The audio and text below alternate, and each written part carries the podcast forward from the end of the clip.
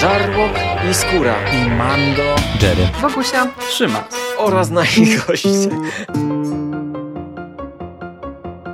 Konglomerat podcastowy. Wasze ulubione podcasty w jednym miejscu. Zapraszamy. Zapraszamy. Zapraszamy. zapraszamy. Zapraszamy.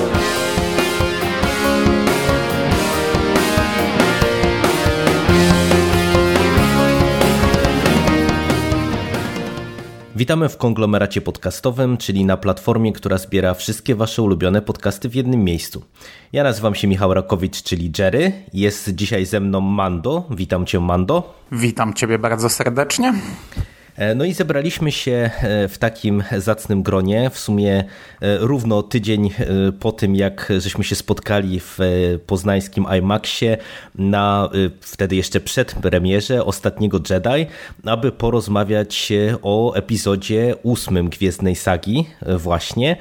E, no i chcielibyśmy e, tutaj, myślę, dosyć dogłębnie przedyskutować ten film. E, już opinii w internetach pojawiło się bardzo dużo i pojawiło się tych opinii dużo skrajnych, powiedziałbym.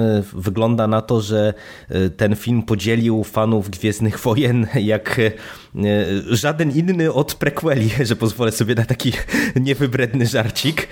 No ale ogólnie dosyć spotkał się faktycznie ze spolaryzowanymi mocno opiniami. E, co my mamy do powiedzenia, to zaraz się przekonacie, ale e, tak chcielibyśmy zacząć e, klasycznie, czyli od oczekiwań. I to od razu Cię, Mando, zapytam na dzień dobry. Jakie były Twoje oczekiwania względem ostatniego Jedi? Czy Ty Przebudzenie Mocy sobie odświeżałeś przed tym seansem? I, i czego tak naprawdę oczekiwałeś po tym epizodzie ósmym? Nie, wiesz co, ja tak jak przed siódemką odświeżałem sobie wszystkie epizody, zrobiłem sobie taką rozpiskę w kalendarzu, że co sobotę od, odświeżam epizod. E, przed Łotrem 1 tego nie robiłem, ale przed Łotrem 1 my nagrywaliśmy podcasty, więc ten cały hype nakręcał się dzięki temu. Przed ósemką planowałem, tak sobie powiedziałem, że przed każdym epizodem będę odświeżał sobie wszystkie filmy z Gwiezdnych Wojen. Jak sobie rozpisałem w kalendarzu, to na październik wjechałem. E, niedługo naprawdę, jak będę miał taki plan, to w lipcu będziemy mogli zaczynać oglądanie, jak tych filmów się tyle zrobi. Ale ostatecznie nie ruszyłem tych filmów, nie miałem czasu, wiesz, teraz nie pracuję tak, żeby mieć soboty wolne, więc ciężko to tak zaplanować, do tego naprawdę roboty od cholery, innych obowiązków, więc w ogóle nie ruszyłem. Ostatecznie chciałem e, odświeżyć sobie siódmy epizod, ale tego nie zrobiłem. Ja w ogóle siódmego epizodu nie widziałem e, poza kinem. W kinie byłem na nim siedem razy i później już go nie ruszyłem, nigdy do niego nie wracałem. Tak jak mówiłem przy mm, naszym omówieniu więzów krwi, ze mnie trochę spadło to napięcie i wiesz, te, ten cały hype, e, jaki był nakręcony przez epizod siódmy. Na początku oczywiście tym byłem zachłyśnięty, ale potem trochę to ze mnie zjechało i jeszcze szczególnie po Łotrze 1, którego uwielbiałem, jakoś tak nie miałem ochoty aż tak śledzić teraz tego okresu i tych bohaterów, Rey, Po, Kylo Ren i tak dalej. Natomiast e, trochę przed samym epizodem to powróciło. No niestety otoczka cała w koło nie była taka jak e, przed epizodem siódmym, gdzie już w październiku wszystkie w zasadzie dyskonty spożywcze były zawalone Gwiezdnymi Wojnami. Z roku na rok to jest coraz mniejsze. No, liczyłem, że przed epizodem będzie jednak o tym głośno, nie było. Ale moje oczekiwania były oczywiście yy, no spore. I, ale też, wiesz... Yy, nawet jeśli bym się zawiódł, no to ja podchodziłem do tego filmu mimo wszystko z czystą kartą. Nie, nie, nie jestem tym skrajnym widzem, który e, już skreślił ten film dwa lata temu albo w ogóle zaślepiony idzie do kina, bo to w końcu Gwiezdne Wojny. Nie, ja właśnie staram się e, podchodzić do tego mimo wszystko e, jak najmniej skrajnie. No nie, strasznie mi psuje to, co mówiłeś, że, że fandom został tak podzielony. Nawet nie tyle fandom, co ogólnie ludzkość kuźwa została podzielona, bo w tym okresie, gdzie wchodzi nowy epizod, nagle wszyscy są fanami Gwiezdnych Wojen i odzywa się taka nienawiść i taka skrajność, bo i jedna i druga skrajność jest zła. Ja mogę z każdym porozmawiać o tym filmie, e, nawet jeśli będzie miał całkowicie odmienną opinię ode mnie, ale wiesz, jak widzę wypowiedź na trzy linijki, gdzie e, co drugie słowo to żenada, kpina i w ogóle wysrali się na moje dzieciństwo i Disney świnia, no to niestety tak to teraz wygląda tutaj. Ja, tak jak mówię, podchodziłem do tego raczej z, pomimo tego, że wiesz, Gwiezdne Wojny, wow, super jest, nie, radość taka, że się w palenie mieści, to y, bez takich skrajnych emocji. No to ja akurat y, wyjątkowo y, powtórzyłem sobie siódemkę przed y, tym epizodem ósmym, bo widziałem ten film poza kinem tak naprawdę tylko wyrywkowo, gdzieś tam mi w telewizji mignął i w całości no, stwierdziłem, że wypadałoby go no, przynajmniej odświeżyć i jakoś ten hype ja w tym roku czułem, ale z takim lekkim niepokojem podchodziłem. To też o tym, żeśmy rozmawiali, sobie dywagowaliśmy, w jakim kierunku to wszystko może pójść, jak wygląda, czy co zrobią z postacią e, Luka e, i tak dalej, i tak dalej. No, takie, wiesz, oczekiwanie, ale z takim lekkim niepokojem, co, co finalnie dostaniemy. E, przy czym mnie szalenie pozytywnie, co się w sumie niezbyt często zdarza, a powiem szczerze, że przy tych nowych Gwiezdnych Wojnach to chyba do tej pory pierwszy raz coś takiego miałem, że tak jak faktycznie y, ta otoczka taka stricte marketingowa, ale y, w rozumieniu wiesz, tych gadżetów, zabawek i innych tego rodzaju pierdół, ona w tym roku była relatywnie no, na niewielkim poziomie, e, powiedziałbym, e, to szalenie mi się podobała e, ta sama akcja marketingowa skupiona wokół plakatów i tej strony takiej wizualnej. Bardzo mi się podobały te wszystkie tak, tak, tak, no. plakaty, no. tak w czerwieni i bieli, to jak te postacie były wizualizowane, każda w, wiesz, w jakimś takim charakterystycznym stroju, w charakterystycznej postawie, to robiło na mnie super wrażenie, jak, jak gdzieś tam, wiesz, widziałem na mieście te, te różnego rodzaju plakaty, bo, bo też było dosyć dużo tych plakatów e, różnych w kinach, też było i standy i, i plakaty. Naprawdę to niesamowicie mnie nakręcało, bo stwierdziłem, że no, wygląda na to, że przynajmniej dostaniemy film e, właśnie ładny, że się tak wyrażę, a ja akurat no, nie będę oszukiwał, że ja Jestem zwierzęciem, jeżeli chodzi o kino y, wizualnym i ja lubię jak film, wiesz, robi dobre, dobrą robotę właśnie tak stricte y, technicznie. I po powtórce tego epizodu siódmego ja się w sumie jeszcze bardziej nakręciłem, dlatego że no jeżeli ktoś odświeżał być może naszą dyskusję o epizodzie siódmym e, sprzed e, dwóch lat, e, o przebudzeniu mocy, to ja miałem lekko mieszane uczucia, w tym sensie, że ten film mi się podobał, ale jakby jednak ta zachowawczość Abramsa w podejściu do tematyki tak nie do końca mnie przekonywała i, i tam było sporo takich elementów, które były z jednej strony niejasne, z drugiej strony to, to ja pamiętam po dziś dzień, że e, dopiero po seansie się dowiedziałem, że właśnie Podameron ma być jednym z tych głównych bohaterów, bo przecież w Przebudzeniu Mocy w ogóle tego nie było czuć i tak dalej, i tak dalej. I teraz jak odświeżyłem sobie Przebudzenie Mocy, więc wiesz, gdzie jesteśmy już po bardzo dużej ilości książek z nowego kanonu, komiksów i tak dalej, i tak dalej, no to zupełnie inaczej na ten film spojrzałem i y, mimo, że nadal nie uważam, że to jest jakiś, jakaś wybitna produkcja, to bardzo dobrze się na tym filmie bawiłem i, i fajnie mnie podprowadził właśnie pod ósemkę a oglądałem dzień przed, więc wiesz, więc to już w ogóle tak można powiedzieć, że w 100%, w 100 na świeżo seans zaliczyłem. No ja ci powiem, że ja o tyle mm, nie obawiałem się aż tak tego filmu, bo e, ja nie jestem fanem tych wszystkich absurdalnych teorii spiskowych, które przez dwa lata e, po internecie hulały i niemalże od samego początku e, byłem przekonany, że twórcy się na to wypną, że, że to wszystko będzie nieistotne, co tam, wiesz, fani sobie wymyślili, kto jest ojcem Rey, kto jest matką Rey, kim jest Snoke. Byłem niemalże przekonany, idąc do kina, rozmawiałem sobie z Ingiem i, i mu mówiłem, zobaczysz, okaże się, że, że, że to w ogóle nie będzie istotny temat, że tego w ogóle twórcy nie poruszą. Natomiast e, no, Luka wiedziałem, jak, że będą przedstawiać trochę inaczej, to tego się obawiałem już na etapie trailera. No, e, także przed samym filmem nawet o tym za bardzo nie myślałem. Mnie, tak jak mówisz, bardziej nakręciły właśnie książki z nowego kanonu, a konkretnie Więzy Krwi.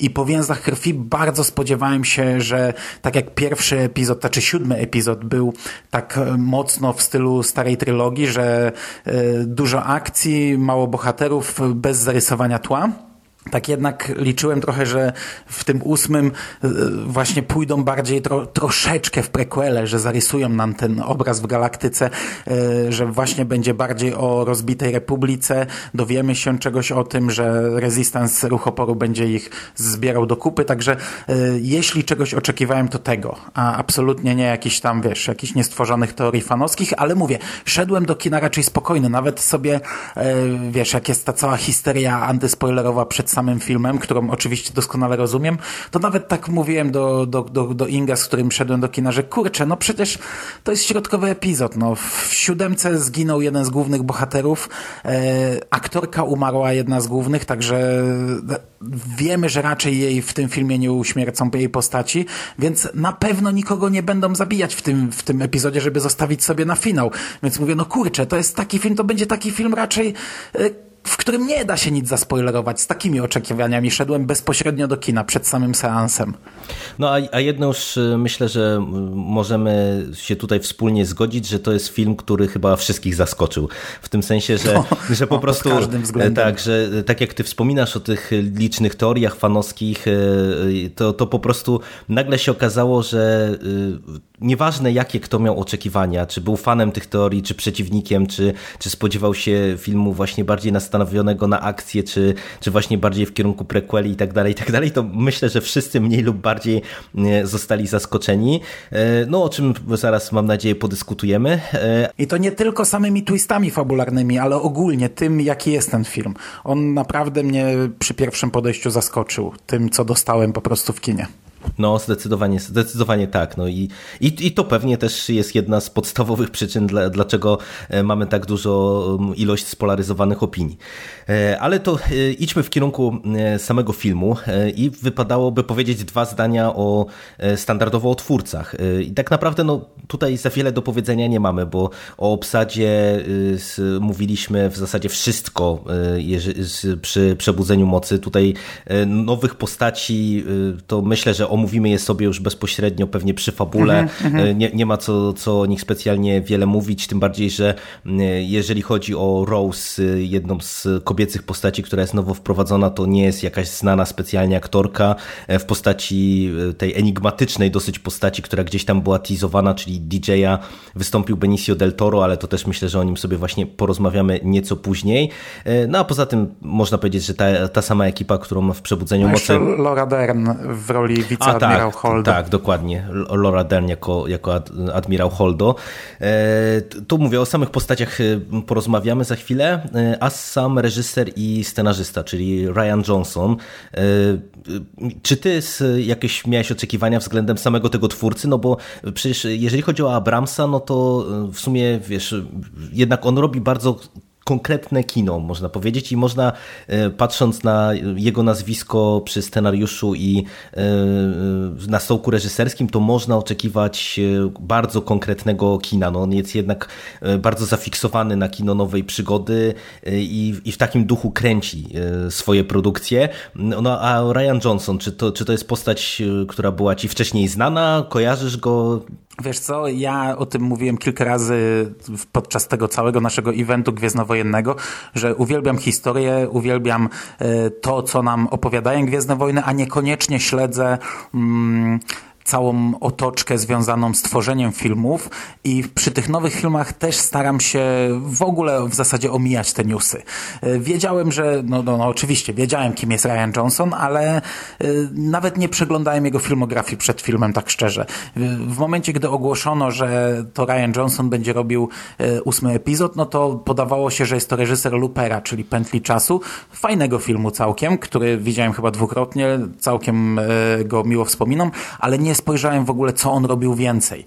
Nawet gdy teraz ostatnio dowiedzieliśmy się, że kolejne trzy filmy, kolejna trylogia nie epizodyczna, inna, zupełnie poboczna została mu powierzona, e, nadal tego nie, nie przeglądałem. Natomiast po filmie, gdy już obejrzałem epizod ósmy, to stwierdziłem, że w sumie kurde zobaczę, co ten człowiek w ogóle zrobił. I byłem w ciężkim szoku, że on tak naprawdę to nie zrobił w zasadzie nic. no bo poza tym luperem, to on ma jakieś kilka shortów na swoim koncie jakiś tam epizod serialu i trzy odcinki Breaking Bad, z czego nie sprawdzałem ich, ale przynajmniej jeden to był jeden z najgorszych odcinków Breaking Bad, jaki, jaki pamiętam. Także no może to dobrze, że nie sprawdzałem sobie przed e, filmem, kim w ogóle jest ten człowiek, bo byłbym nieco bardziej zaniepokojony. No to, to ciekawostka, jeżeli chodzi o tego twórcę, to jest tak, że on w zasadzie właśnie poza mm, ostatnim Jedi no, ma, te, ma trzy filmy e, na, na koncie pełnometrażowe i do obu pisał sam scenariusz i je reżyserował. Lupera ja też wspominam bardzo dobrze, ale to jest jedyny film z tych, które mm, on stworzył i które ja widziałem. E, te pozostałe, to zakładam, jak ktoś jest bardzo mocno zainteresowany, to może sobie naszych dobrych kolegów i koleżanki z Myszmasza posłuchać, bo Myszmasz serwuje e, tą krótko, krótki przegląd e, filmografii tego pana. Także jeżeli jesteście zainteresowani, to odsyłamy tam. Ale konkluzja jest taka, że ja też specjalnie nie wiedziałem, wiesz, czego się spodziewać po tym twórcy. No i ponownie myślę, że trochę nas Ryan Johnson wszystkich zaskoczył. Przejdźmy myślę do samego filmu, no bo tak jak mówię, pozostali twórcy to mhm. i muzyka i, i, inne elementy filmowe to są nam dobrze znane. Streściłbyś, Mando, pokrótce fabułę Ostatniego Jedi? Okej, okay. akcja Ostatniego Jedi rozpoczyna się bezpośrednio po finale e, Przebudzenia Mocy. Jest to o tyle wyjątkowe, że nigdy nie mieliśmy jeszcze takiej sytuacji, żeby nie było żadnego przeskoku czasowego. Tutaj takiego przeskoku nie ma. Ruch oporu, który ma swoją bazę na planecie Dakar, e, jest w trakcie ewakuacji, ponieważ, e, tak jak pamiętamy z epizodu siódmego, najwyższy porządek poznał położenie tej bazy nowych rebeliantów i oczywiście no, w finale siódemki nowy porządek ma trochę problemy, no ale wiadomo, że za chwilę zbiorą się i będą lecieć, żeby tam rozprawić się z tymi naszymi tutaj nowymi bohaterami. I z jednej strony widzimy właśnie taki, znaczy w zasadzie cały film jest zrobiony trochę według patentu Imperium kontratakuje, chociaż wydaje mi się, że nie tak bezczelnie jak w przypadku Przebudzenia Mocy, gdzie e, mieliśmy kolejną Gwiazdę Śmierci i tak dalej. E, tutaj jednak ten film ma mnóstwo rzeczy dodatkowych do opowiedzenia, a cały szablon jest taki trochę jak w Imperium kontratakuje, czyli mamy uciekających rebeliantów, ścigające ich statki Imperium i w zasadzie główna oś filmu to jest właśnie ten pościg. E, to, na ile to jest sensowne, no to to już tam inna bajka, no ale e, widzimy uciekających rebeliantów, ścigający ich najwyższy porządek, a Naprzemiennie ten wątek jest pokazywany ze szkoleniem Rey, a dokładniej na początku z próbą przekonania Luka, aby e, pokazał jej e, jakieś tajniki mocy, aby opowiedział jej o Jedi, aby zaczął ją szkolić. W zasadzie na samym początku ona chce go ściągnąć, żeby przyjechał i uratował dzień, a nie żeby zajął się nią. To on decyduje się ostatecznie, że daje jej trzy lekcje, które jej pokażą, że droga Jedi do niczego nie prowadzi, ponieważ Luke jest tutaj e, takim zgorzkniałym E, starcem, który wycofał się, już odciął się od mocy, nie chce brać udziału w tych wielkich wydarzeniach. E, I to śledzimy naprzemiennie.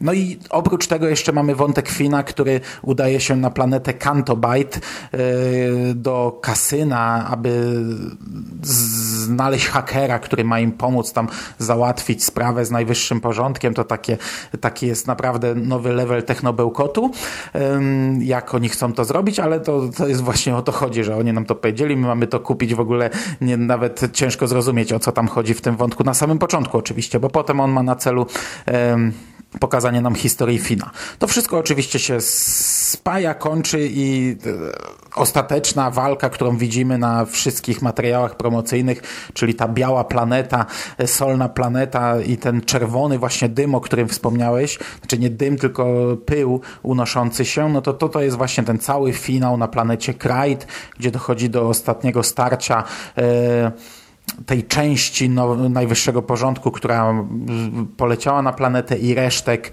ruchu oporu. E, to wszystko brzmi w założeniu i w skrócie właśnie trochę jak szablon e, Imperium kontratakuje, ale tak naprawdę ten film jest bardzo mocno nastawiony na postaci i na rozwój postaci.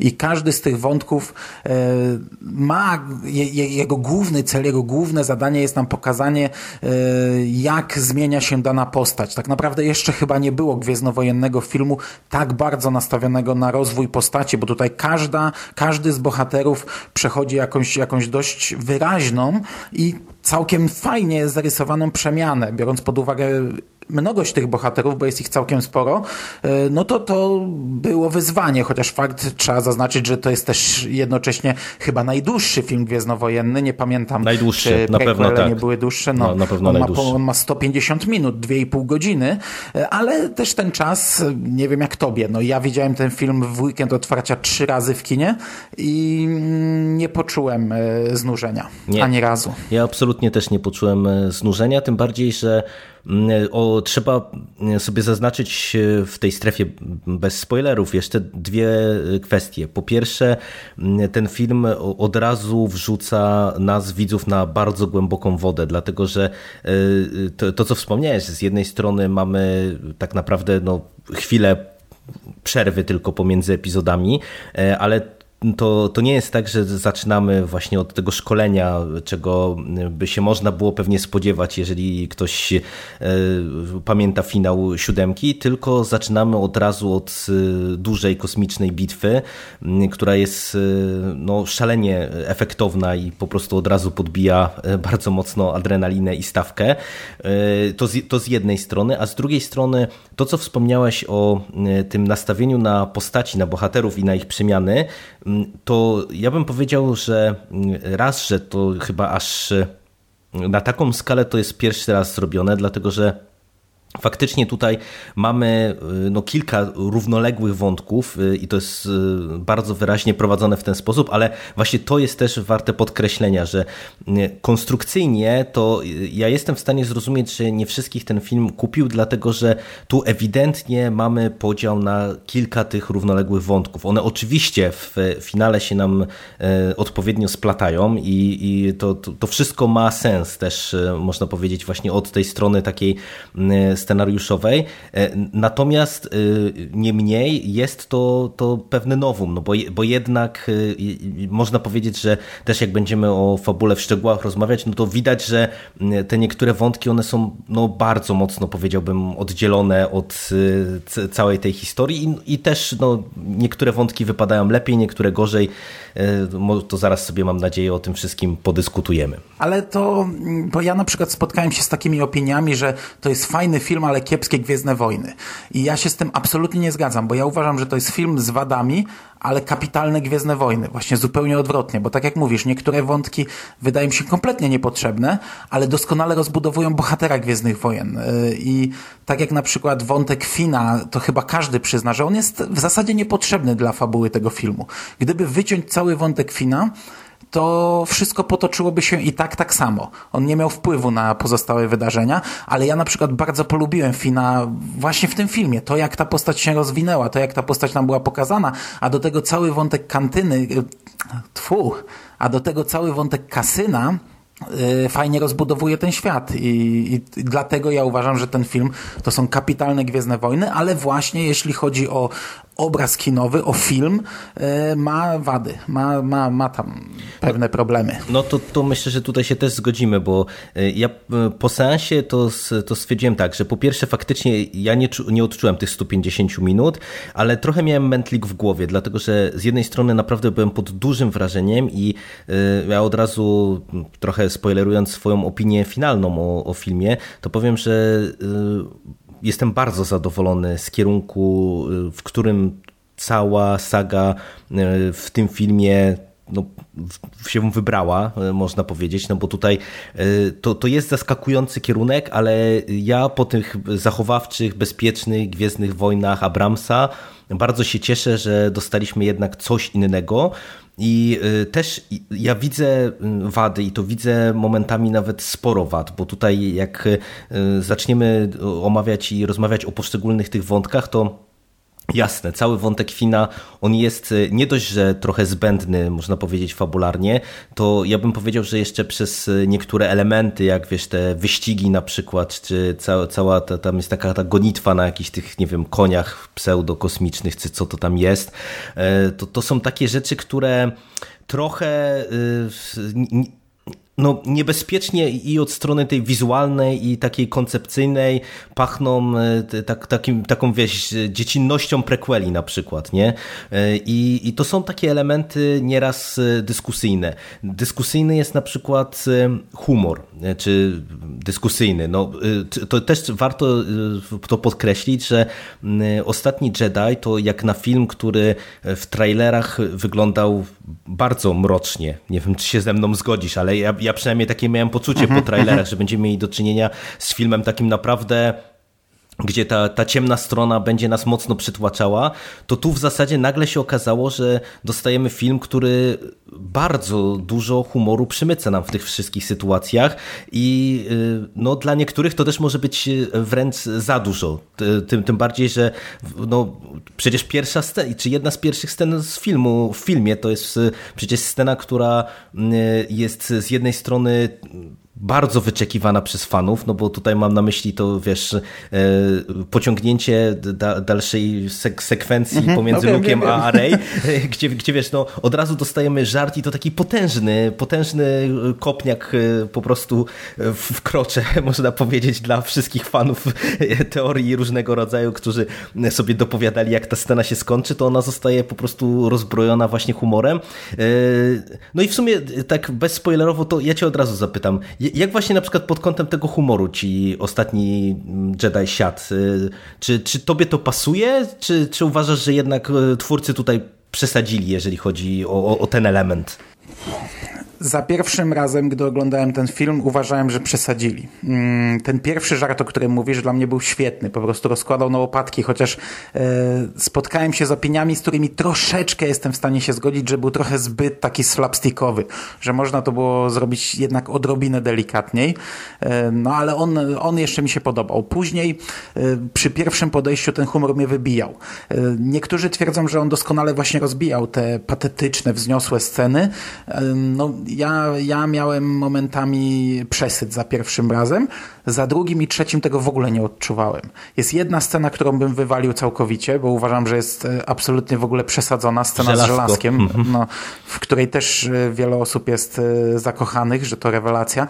To, to nie jest spoiler, jest scena, gdzie ląduje niby statek, a okazuje się, że jest to żelazko, którym droid prasuje mundury. To jest scena żywcem wyjęta, nie wiem, z kosmicznych jaj, z tego takiego śmiesznego odcinka z trzeciego sezonu Archiwum X. Tam też było na tej samej zasadzie, że statek niby wylatuje y, za kamery, tak jak w rozpoczęciu Gwiezdnych Wojen, a to jest jakiś tam coś, na czym stoi jakiś mechanik. No, takie, tego typu żarty pojawiały się w parodiach. To był żart absolutnie przesadzony, ale wszystko inne dla mnie okej. Okay. Mówię, no ciężko mi to ocenić, bo za drugim razem, gdy już wiedziałem, gdy już byłem gotowy na to, że tutaj będą takie żarty, gdy już, wiesz, zupełnie inaczej oglądało się ten film, bez tych takich, bez tego napięcia, gdzie przy, w momencie, gdy siedzisz w kinie z tym napięciem, to te żarty też odbierasz aż za mocno, nie? Inaczej zupełnie, no kurczę, naprawdę mnie to przy pierwszym podejściu rozstrajało i w pewnym momencie nie wiedziałem, czy, czy, czy to nie jest przesadzone, czy to nie jest zbyt rozwalone, zbyt, mm, czy nie ma tego balansu, nie? Mhm. Znaczy... Ale przy, przy kolejnych podejściach dla mnie ok, także ja ostatecznie nie krytykuję tego humoru. No i ja rozumiem, że to mm, wiele osób może trochę wybijać, bo faktycznie, no tak jak mówię, tego humoru jest po prostu dużo, a jednak, co by nie powiedzieć, to Gwiezdne Wojny e, do tej pory raczej humorem nie stały. Y, raczej no, takich scen komediowych stricte było niewiele, a tutaj jest tego sporo, przy czym ja właśnie jestem w takim obozie, y, o, o, którym ty trochę wspomniałeś, że wydaje mi się, że one fajnie spuszczały powietrze trochę z tego balonika. W tym sensie, że wiesz, że przez to, że jednak większość tych scen ona była z jednej strony krótka, a z drugiej strony właśnie ona była tak, te, te sceny były tak poukładane, że bardzo często po, takiej scenie, wiesz, pełnej napięcia, czy jakiejś tam dynamicznej, dostawaliśmy jakiś żarcik, który troszeczkę, no mówię, rozładowywał napięcie i to dla mnie bardzo dobrze grało i też je w trakcie seansu to no, oglądaliśmy pierwszy seans wspólnie, no to przecież było widać, że ludzie reagują tak emocjonalnie, ale tak pozytywnie na, na te sceny komediowe, gdzie faktycznie reakcja była, powiedziałbym, zgodnie z zamierzeniami twórców, gdzie ludzie się faktycznie e, śmiali i, i żywo reagowali na te poszczególne sekwencje. Mi się to ogólnie e, podobało, przy czym no, rozumiem, że nie każdemu to może podpasować, tym bardziej, że tutaj humoru jest dużo y, różnego rodzaju, bo to właśnie to, co wspomniałeś, że ta pierwsza scena u nas y, no taka już mocno przegięta, a tutaj jest humor i słowny, i sytuacyjny, i, i właśnie y, w niektórych momentach jakiś wizualny i, i tak dalej, i tak dalej. Tutaj to też jest zrobione w takim, no powiedziałbym takim do, dobrym komediowym tonie, gdzie właśnie nie bazuje się na jednym żarcie, czy na jednym typie humoru, tylko się próbuje cały czas Y, nas widzów też pod tym kątem zaskakiwać i, i mi to finalnie naprawdę bardzo dobrze grało, nawet pod kątem, wiesz, tych y, szczęsnych, nieszczęsnych porgów, co do, co, co do których przecież też były obawy, czy zaraz tutaj nie, nie będzie ich zatrzęsienia, a nagle się okazało, że w sumie, nie wiem, z mojej perspektywy to, to te zwierzaczki też całkiem fajnie wypadły i, i jedna z tych pierwszych scen komediowych z nimi była rozbrajająca i później jak one się pojawiały, to, to mi to też jakoś zupełnie nie przeszkadzało. No, to z mieczem była niezła. E, fajny, fajna grafika dzisiaj wam wklejałem. Jest w The Art of e, The Last Jedi, gdzie ten miecz jednak się otworzył i, i przebił e, Porga. Porgi były ok. Jeszcze jeden żart bym usunął. Teraz mi się przypomniało, jak przeglądam sobie słownik ilustrowany. Mm, pierwsza scena, gdy budzi się Finn, jest, jest po prostu żałosna. E, gdy on spada i ten, te worki zaczynają mu przeciekać, A, wygląda tak, to tak, źle. Tak, tak. To, mnie, to mnie właśnie na samym początku, najpierw dostajemy to, potem scenę z Lukiem i, i ale, wie, kurczę, ale, no, ale wiesz, no... że, że ta, ta scena to w sumie to była trochę zabawa, mam wrażenie, z fanami, bo nie wiem, czy zwróciłeś uwagę, że wydaje mi się, no. że, że, że kluczowe w tej scenie to nie jest to, że te worki przeciekają, tylko e, to, że e, chwilę później mamy zdanie, jak ten, jak BB-8 podlatuje do Poł i mówi mówi, e, że e, Finn jest nagi, czy, czy, w, w, mhm. czy, czy, czy, coś takiego, nie? że wszyscy, o, o, Paul i Finn, tak, Finn nagi, Paul e, leci na ratunek, nie? Także to mi się wydaje, że to była taka trochę scena, no przesadzona, ale to było właśnie taka, takie, taka zagrywka pod fanów i pod to, co wiesz, wszyscy no, już sobie dorobili miał... przez te ostatnie dwa lata, nie? Film miał przedwczesny wytrysk, nie? Wody z kamizelki, w którą był ubrany w z tego całego tego, tego w czym siedział. E, natomiast e, a propos Fina i Po, to nabijam się teraz, bo w tym momencie cały internet e, twierdzi, że mamy zapowiedź romansu Po i Rey. Bardzo możliwe, że mamy zapowiedź romansu Po i Rey, no ale w tym epizodzie w końcówce oni dopiero się spotkali pierwszy raz, bo przecież w całym Przebudzeniu Mocy oni się nie widzieli i w całym The Last Jedi też się nie widzieli i to zabawne jest o tyle, że wystarczy, że Po podejdzie do kogoś i przywita się z nim, a internet już wietrzy romans, nie? Bo jest takim po prostu tutaj takie, te, te, taką ma mimikę twarzy, że tu wystarczy tylko podanie ręki. Chociaż akurat w tej scenie kluczowe jest jedno. Yy, ona do niego mówi, że jestem Ray, a on do niej odpowiada I know. I po tym fani twierdzą, że tutaj mamy rodzący się romans. I love you, I know, nie? No nie, to, to dla mnie jest ci, ciut za dużo. Ja osobiście zupełnie tak tego nie odebrałem i y, ja ani bym nie chciał, ani bym nie oczekiwał tak naprawdę romansu jeszcze, wiesz, w ostatnim epizodzie, który ma nam jednak y, podomykać bardzo dużo wątków, a y, też no, jak wejdziemy w strefę spoilerową, to podyskutujemy, że przecież tak naprawdę finał tego filmu, no jednak, no wbrew temu, co się mówi trochę, że tak naprawdę ten epizod jest niepotrzebny, bo mamy taką samą sytuację, jak mieliśmy na początku mm, ósmego epizodu, no to ja się z tym zupełnie nie zgadzam i wydaje mi się, że jednak e, mimo, że tutaj upływa relatywnie niewiele czasu e, takiego, wiesz, fizycznego w tym świecie, no to jednak e, cały ten świat i sytuacja w odległej galaktyce bardzo mocno się zmienia w trakcie ostatniego Jedi, no i jednak w tym epizodzie dziewiątym myślę, że no będzie co robić od tej strony takiej stricte fabularnej i nie wiem, nie, nie chciałbym, żeby tutaj nam dorabiano jakiś romans, który jest tu zupełnie, wydaje mi się, niepotrzebny. No ale to zobaczymy. Ja mam swoje przewidywania na dziewiątkę, to pod koniec e, pogadamy, albo gdzieś tam w trakcie może to wyjdzie. E, natomiast no, chyba będziemy przechodzić do tych spoilerów, tak, nie? bo tak, tam nie, będzie, to, to, nie będziemy krążyć. To, to, powiedzmy w tej, w tej pierwszej części jeszcze ja powiem, że to taka krótka ocena, że ja ogólnie tym filmem jestem naprawdę zachwycony. E, to jest film, który mnie jako fana Gwiezdnych Wojen kupił tak bardzo, że ja po prostu cholernie się cieszę, że ten film powstał, że miałem szansę go obejrzeć. To był pierwszy film gwiezdnowojenny, z którego ja wychodziłem e, rozbity, rozdarty. Ja nie wiedziałem, jak go ocenić. W momencie, gdy kończył się ten film, ja nie wiedziałem, czy ten film mi się podoba, czy mi się nie podoba, to czy były rzeczy, które po prostu uwielbiałem w tym filmie, ale byłem całkowicie rozdarty i pierwszy raz musiałem w ogóle po filmie Gwiezdnowojennym e, trochę o nim pomyśleć i musiałem go trochę przetrawić, żeby on do mnie dotarł, ale ostatecznie po tym tygodniu mogę powiedzieć, że jestem całkowicie kupiony. E, to były zupełnie inne odczucia, bo na przykład Przebudzenie Mocy, no to juhu, to tam w ogóle była taka euforia, że tam y, człowiek nawet nie myślał, a to kupował wszystko, bo a Gwiezdne Wojny w kinie znowu, nie, 10 lat czekaliśmy, rewelacja, a w zasadzie to czekaliśmy od 83, bo y, reszta, to, nie no, liczy się, tak sobie żartuję. Natomiast po Łotrze 1 to ja byłem, e, pamiętam jak wychodziły napisy końcowe, to ja się czułem jak po wygranym meczu, wiesz, jakbyśmy wygrali w finał, po prostu Polska yy, by wygrała finał w piłkę nożną, ja tam miałem ochotę ska skakać, wiwatować, no może finał to przesadzam, ale, ale jakbyśmy wysoko zaszli. A po ostatnim Jedi, jak zaczęły się napisy, ja siedziałem i nie wiedziałem, co ze sobą zrobić. Patrzyłem w ten ekran, nie wiedziałem, nikt nie klaskał, e, bo tak naprawdę ja sam bym nie miał ochoty, żeby klaskać podczas tego filmu chyba ani razu. E, ale ostatecznie oceniam go bardzo wysoko. To oczywiście, no to jest tam gdzieś środek, powiedzmy, mojego rankingu gwiezdnowojennego, gdybym miał go ułożyć, ale o żadnym filmie gwiezdnowojennym nie myślałem tak długo, a o tym filmie myślę cały czas i żaden nie wywołał u mnie takich emocji jak ten film.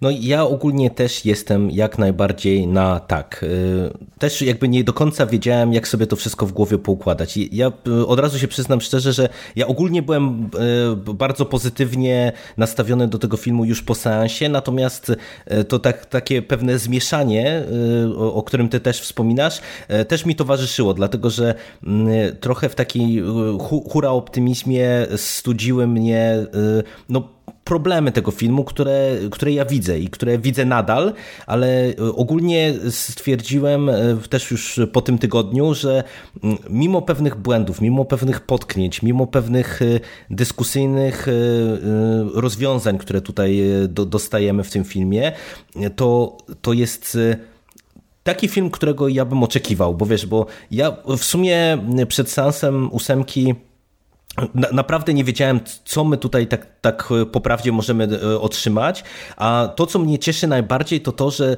to jest e, film, który po prostu okazał się filmem zaskakującym i mnie zaskoczył pozytywnie. No, dla mnie e, to naprawdę jest duża, duża przyjemność to, że poczułem powiew świeżości w tej marce, że tutaj oczywiście wielu się zaraz e, obruszy, no bo, bo też bardzo wiele głosów ja widzę, że, że właśnie ten film e, nie wnosi absolutnie nic nowego, że to jest kolejna powtórka z rozrywki, a ja uważam, że nie, że właśnie przez podejście do postaci, przez skupienie się na postaciach, przez e, pewne elementy fabularne i pewne rozwiązania fabularne, które tutaj zastosowano, to jednak dostajemy po prostu coś fajnego, coś innego, co oczywiście nie gwarantuje nam, że kolejny epizod y, będzie jeszcze bardziej, nie wiem, innowacyjny i, i w ogóle nam czapki z głów spadną, bo y, trochę jestem zdania takiego, że to y, te wszystkie pozytywne wrażenia to jeszcze mogą się zatrzeć, bo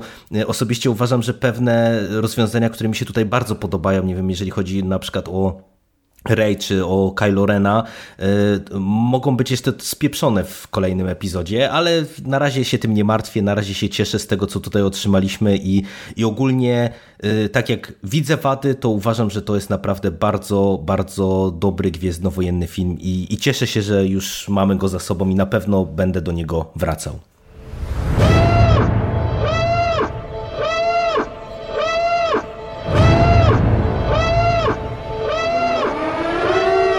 Uwaga! Spoiler!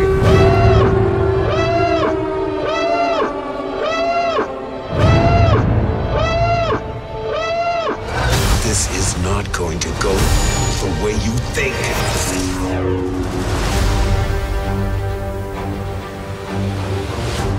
No i tak, e, ogólnie s- sobie podsumowaliśmy już nasze opinie bez spoilerów, a teraz byśmy chcieli e, przejść no, już do rozebrania tego filmu na części pierwszej. Tak dyskutowaliśmy sobie przed nagraniem, że będziemy chyba szli wątkami, no bo tak też wspominaliśmy chwilę temu, że jednak ten film jest dosyć mocno i dosyć wyraźnie podzielony na takie segmenty skupiające się na poszczególnych postaciach.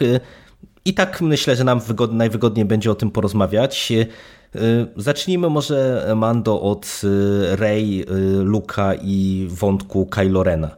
Jak ci się podoba y, kierunek, y, w jaki tutaj twórcy sobie obrali? No bo to jest jeden z y, tych wątków, czy tutaj rozwiązania, które dostajemy od strony fabularnej, czyli mam na myśli to, że y, pozbywamy się Snowka, y, gdzie y, Luke jest takim trochę zgo, zgorzkniałym dziadem, można powiedzieć, gdzie mamy rozwiązanie wątku rodziców Rey w sposób taki, że myślę, że wielu osobom to szczęki spadły po prostu do, do samej podłogi i tak dalej, i tak dalej, no to, to ten wątek jest przez wielu tak nie tyle, że może nawet krytu- krytykowany, co, co jest wiele osób, które uważa go za dosyć dyskusyjny, czy mocno dyskusyjny. Jak ci się podobały te poszczególne elementy w tej historii? No to po kolei. A to, to jest tak, tak Je- duży je- temat, że je- nie wiem, od je- czego jeden po kolei. Zresztą zaczynamy od, kilka od razu, nie? zaczynamy od najlepszego. Na koniec powinniśmy zostawić najlepsze. E, no czyli już tutaj zdradziłem, że w zasadzie wszystko mi się bardzo podobało. Jeśli chodzi o rodziców Rey, to dla mnie to nie było nic szokującego. E, Pamiętam, że już po premierze mm, epizodu siódmego sobie rozmawialiśmy jeszcze w ten weekend premiery i doszliśmy do wniosku, że jej rodzice nie będą nikim ważnym. E, Także to już dwa lata temu ja o tym e, rozmawiałem z ludźmi. Natomiast jeśli chodzi o Snowka, to mnie faktycznie zaskoczyło, chociaż no tutaj bardziej, że on ginie w tym epizodzie, co, co kurczę, naprawdę szczęka opada, bo nikt się tego nie spodziewał. Ale pamiętam, że jak byłem jesienią na Star Force i Seth prowadził prelekcję o, o tym, czego możemy się spodziewać po ostatnim Jedi i on spytał, kto sądzi, kto z obecnych na sali sądzi, że e, Snoke okaże się zupełnie nową postacią i zgłosili się większość. Zgłosiła się większość ludzi. Większość ludzi, która, która tam była obecna, zakładała, że to będzie nowa postać, a mnie to wtedy trochę zaszokowało, bo jednak dałem się złapać tym wszystkim teoriom, i dopiero chyba właśnie po tej prelekcji zacząłem sobie myśleć, że kurczę, to faktycznie może tak się okazać.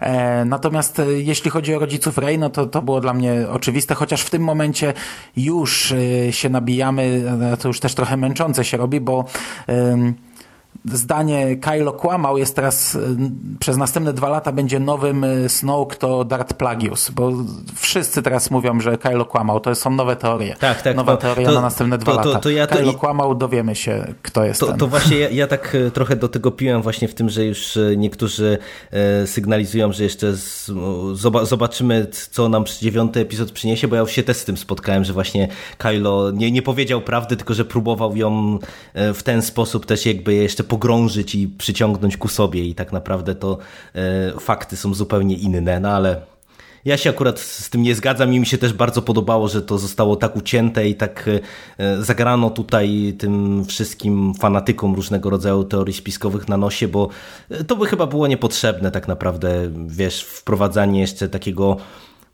no, trochę telenowelowego wątku, bo tak naprawdę no przecież jakby się okazało, że jednak Rey jest silna w mocy poprzez konotacje jakieś rodzinne, no to, to zapachniałoby nam tutaj to niebezpiecznie telenowelą moim zdaniem. Mm, Tak, no to, to właśnie to by była telenowela brazylijska, chociaż z drugiej strony Gwiezdne Wojny zawsze trochę takie były, nie? Ja bym jeszcze rodziców Rey kupił, Snowka jako jakąś ważną postać z przeszłości bym nie kupił. To, to by mi się chyba nie podobało jednak. Gdyby się okazało, że to jest jakiś tam e, imperator, który przeżył albo, albo coś, to to w ogóle kompletnie absurdalne. Darth Plagius jeszcze może tak, chociaż dla większości ludzi to jest kompletnie nieznana postać, no ale to właśnie może dlatego by wypaliło. E, aczkolwiek ja już teraz jeszcze jedną rzecz powiem, co mi się cholernie podoba. To wszystko jest oczywiście maksymalnie krytykowane w internecie, ale mnie się strasznie podoba w tych nowych epizodach to, że jakikolwiek zarzut nie wysuniecie w ich kierunku, to ja jestem w stanie przytoczyć analogiczną scenę z e, oryginalnej trylogii. Tak, E, tak. Identyczną, którą wtedy chwaliliście, którą uważacie, że, że ona była cudowna. No i e, jeśli chodzi o Snowka, to to jest odpowiednik Imperatora. Dokładnie, dokładnie taki sam. Imperator był wprowadzony w jednym epizodzie jako hologram, po to, żeby w kolejnym pojawić się jako postać mroczna, straszna, potężna i po to, aby zginąć. Po prostu nic o nim nie wiedzieliśmy w, po powrocie Jedi. Jego celem było zakończenie szkolenia, zakończenie drogi jego ucznia, Dartha Vadera. W tamtym przypadku imperator umarł, by Darth Vader mógł zakończyć swoją drogę, przechodząc jeszcze raz na jasną stronę i stając się znów Anakinem Skywalkerem. W tym przypadku sytuacja odwrotna. E, Snoke, jego zadaniem jest w tym filmie po prostu zginąć, aby Kylo Ren zakończył swoją drogę i przeszedł ostatecznie na ciemną stronę mocy. E, I to było dla mnie kapitalne. Po pierwsze, w ogóle sama postać Snoke'a jest rewelacyjna wizualnie. Wszystkie sceny ze Snoke'iem to po prostu oglądało się e, na szpilkach. On świetnie grał i czuło się po prostu tę jego potęgę i mnie to w ogóle nie rozczarowało to, że on zginął. Zaskoczyło mnie to bardzo mocno. Zresztą cała scena, e, jak on mówi z tą wyższością, nie można mnie zdradzić. Ja znam myśli mojego ucznia tak poniżająco o nim, e, kompletnie zapatrzony w siebie i, i mówi o tym, widzę jak obraca swój miecz po to, żeby zadać ostateczny cios swojemu największemu wrogowi. To wszystko jest zgrane e, naprawdę świetnie, a dodatkowo grają e, nam na nosie, widzą, bo przez cały film tak jakby rehabilitowali trochę Bena Solo e, w tak, naszych tak. oczach. Pokazują, że kurczę, że on jednak trochę to Luke był winien, że on przeszedł na ciemną stronę. E, Pokazują, jak bardzo jest rozdarty po zabiciu Hanna Solo i to też mi się strasznie podobało, bo pamiętasz po przebudzeniu mocy wszyscy pluli, że o jak to tu wielki mistrz, wielki rycerz Sithów, a pokonuje go jakaś wieśniaczka, która w życiu mieczem nie walczyła świetlnym i to jest tu wprost powiedziane, z ekranu pada, Snoke do niego mówi, wyzywa go, y, jesteś wielkim Kylo Renem, wielkim Kylo Renem, jesteś rozdarty po zabiciu Hanna Solo, pokonała cię wieśniaczka, która w życiu nie trzymała miecza świetlnego. To dokładnie ten dialog pada, ten monolog pada z ekranu i to jest świetne. No i właśnie e, to całe połączenie umysłowe między e, Kylo a Rey, ono na początku jest też pełne takiego, takiej nienawiści do siebie. No może nienawiść to złe słowo, ale e, oni nie chcą tego, się wyzywają, tam ty jesteś mordercą, ty jesteś potworem i właśnie on w pewnym momencie mówi, tak, jestem potworem i dopiero do niej dociera wtedy, że on tak naprawdę jest złamany i to nas prowadzi do, do tego, że ja na przykład już byłem przekonany, że będzie odkupienie y, Bena Solo, chociaż nie chciałbym, bo kurczę, ktoś, kto zabił Hanna Solo, nie zasługuje na odkupienie. No ale w momencie, gdy Kylo zabija Snowka, no to, no to już byłem przekonany, dobra, dobra, no mamy dobrego Kylo Rena. Kto teraz będzie przeciwnikiem? Jeszcze za chwilę oni walczą z tymi czerwonymi krewetkami, z tymi nowymi imperialnymi gwardzistami, czy tam nie wiem jak ich nazwać, pretorianie to są e, bodajże.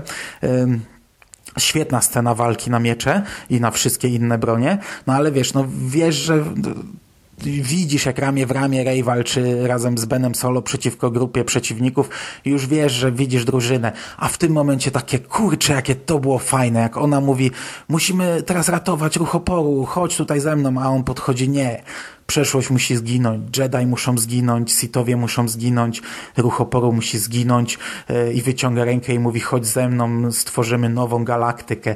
E, Tak jak, kurczę, taki nadal trochę zagubiony dzieciak, który chce zrobić możliwe, że nawet coś dobrego w jego przekonaniu, a tak naprawdę powtarza e, te same błędy, które zrobił Anakin Skywalker, który, które robiło wielu przed nimi i to po prostu był, dla mnie to był, było zaskoczenie. Dałem się tutaj naprawdę zaskoczyć. Nie spodziewałem się No, ja tego. Mam dokładnie to samo, czyli też dałem się w 100% zaskoczyć, bo ten wątek w tym elemencie akurat, czyli jakby tego połączenia myślowego pomiędzy Rey a Kylo Renem, tego rozdarcia Kylo Rena i samej kwestii Snowka, ja uważam, że on jest świetnie rozpisany, bo pod kątem tego rozdarcia, to wiesz, to mamy przecież bardzo fajną scenę z Kylo i z myśliwcem, kiedy on tam zwalnia mm, spusty, nie rozwalając e, te, tego mm, mostka, e, na którym stoi mhm, Leia. Mhm. Ba bardzo fajnie zrobiona scena, zresztą fajnie zmontowana w trailerze. O, o trailerze to bym mhm. chciał na koniec tam jeszcze powiedzieć, też dwa zdania.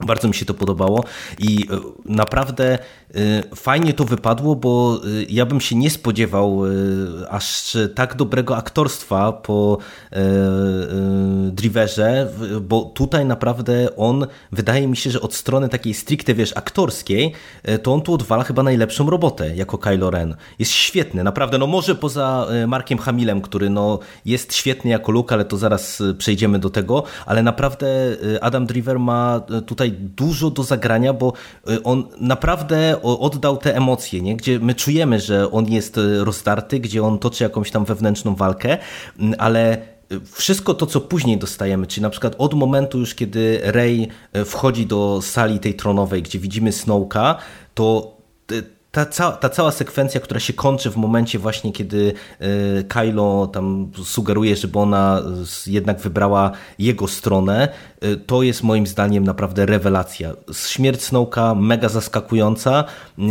Oczywiście rozumiem pewien zawód, że jakby tak mało wiemy o tej postaci, y, tym bardziej, że ona też y, na ten moment jest kompletnie jakby nawet no nie zasygnalizowana, można powiedzieć, w rozszerzonym uniwersum, więc no tak naprawdę no to jest postać, o której na ten moment wiemy relatywnie niewiele, ale mi to zupełnie nie przeszkadzało.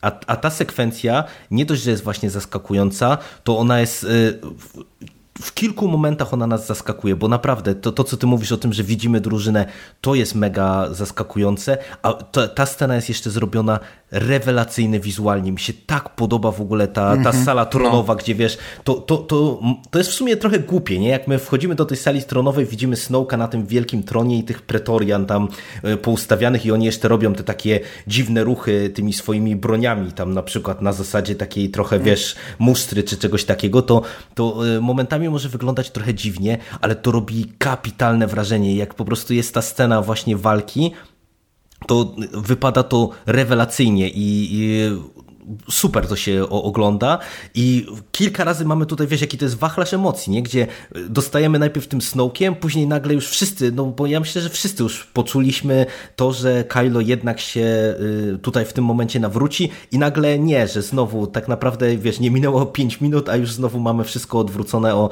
o kolejne tam 180 stopni i, i idziemy w zupełnie nową stronę. Bardzo, bardzo dobrze rozegrane całościowo. Ale to właśnie też jest fajne, że to nie jest takie wachlarz wahanie głupie, głupiego dzieciaka. Nie, nie, nie. nie Takie na dokładnie. zasadzie, no będę dobry, nie, będę zły. Tylko kurczę, gdy już się to drugi raz ogląda i wie, e, do czego to zmierza, no to widzimy po prostu jego myśli, od, do czego on dążył, a jak nas, widzów, oszukano, nie? Dokładnie I, tak. I to, jest, i to tak. jest świetne. Mnie ta sala tronowa na początku się nie podobała, bo to miałem wrażenie po prostu jakbym widział, wiesz, zdjęcia z planu Hobbita, tylko nie na zielonym, tylko na czerwonym, e, ale gdy to się zaczyna palić, gdy wtedy w ogóle ogóle to jest, to jest materiał, który tam otacza to całe i gdy on się zaczyna palić, to widzimy potem całą bitwę, całą przestrzeń kosmiczną mhm, w tak, koło. Tak. E, ogólnie cała scena jest naprawdę przepiękna wizualnie. Tam ta lupa jeszcze jest taka absurdalna, gdzie odsłania się ta zasłona tak, tak, i ona tak, przez tak, taką tak. lupę widzi statki wielką, nie? Natomiast sam Snoke, ja myślę, że teraz zejdzie embargo na tę postać i ona teraz zostanie rozszerzona w książkach. Może dostaniemy nawet książkę ogólnie o Snowku, to może być świetna książka. E, Okej, okay, no mogą ludzie powiedzieć, kurczę, nie po to chodzę na filmy, żeby czytać książki, ale z drugiej strony od początku było mówione, że e, nowe Gwiezdne Wojny e, wprowadzą nowy poziom łączenia e, różnych mediów i, i wtedy wszyscy mówili, że to jest plus, że fajnie, jak w końcu e, kurczę, nie tylko e, będzie coś takiego, że wiesz, masz główne MCU, a w seriale idą swoje i, i filmy nie nawiązują do seriali, tak jak tu, tu jako przykład podaję, nie? A tutaj jednak, kurde, zapon zamotałem się. Ale no, myśl, myślę, że słuchacze zrozumieli, o co ci chodzi. Natomiast to, co potem widzimy z Kylo Renem, bo tutaj też trzeba zaznaczyć, że Kylo gra cały czas bez maski. Tę maskę ma na samym początku, ale gdy e, Snow go tam poniża, to on tę maskę rozbija, niszczy i już potem gra bez maski. E, mnie się to przeokrutnie podobało, jak, jak e, on odgrywał emocje. Są jak zwykle dwa obozy w internecie. Na samym początku bardzo dużo było pozytywnych opinii na temat w ogóle całego wątku Kylo Rena. Ludzie, którzy hejtowali, wiesz, tę postać po siódmym epizodzie, nagle zobaczyli, że to jest coś fajnego i nagle zaczęli to chwalić, ale ale też masa takich, e, wiesz, widzów z przypadku, gdzieś tam wejdziesz w jakieś komentarze, to wszyscy nadal mówią, że to emo dzieciak, e, na koniec to wygląda jakby się miał popłakać, zabiorę swoje zabawki i pójdę do domu. Absolutnie nie. Ostatnia scena, gdy on się na tej planecie gdy zdaje sobie sprawę, jak został oszukany, e, to po prostu emocje tam biją z jego twarzy tak kapitalnie. Mnie się przeokrutnie podoba ten moment, gdy on sobie zdaje sprawę, że, że go wszyscy tam wystrychnęli na dudka, nie? Tak, tak, to jest, to jest super. I w tym momencie, jak e, jesteśmy przy tej ostatniej scenie, kiedy to Luke e, wystryknął go na dudka, tak jak mówisz, no to, to myślę, że możemy przejść właśnie do, do wątku Luka i treningu Rey, bo no, to jest to, co ja mówię. Ja miałem obawy troszeczkę co do tego wątku, bo dyskutowaliśmy o tym już w innym podcaście też, że tak troszeczkę nam, nas niepokoiło to, czy tutaj Luke e, nie zostanie pokazany jako taka nazbyt złamana postać, a e, ja otwarcie powiem, że uważam, że ten wątek jest całościowo kapitalny i w zasadzie wszystkie punkty, e, jeżeli chodzi o Luka Skywalkera, mi się szalenie podobają, czyli i, ten początek taki, gdzie on jest taki gburowaty i e, to podbudowanie e, Bena Solo i Kylo Rena e, też uważam, że jest świetne.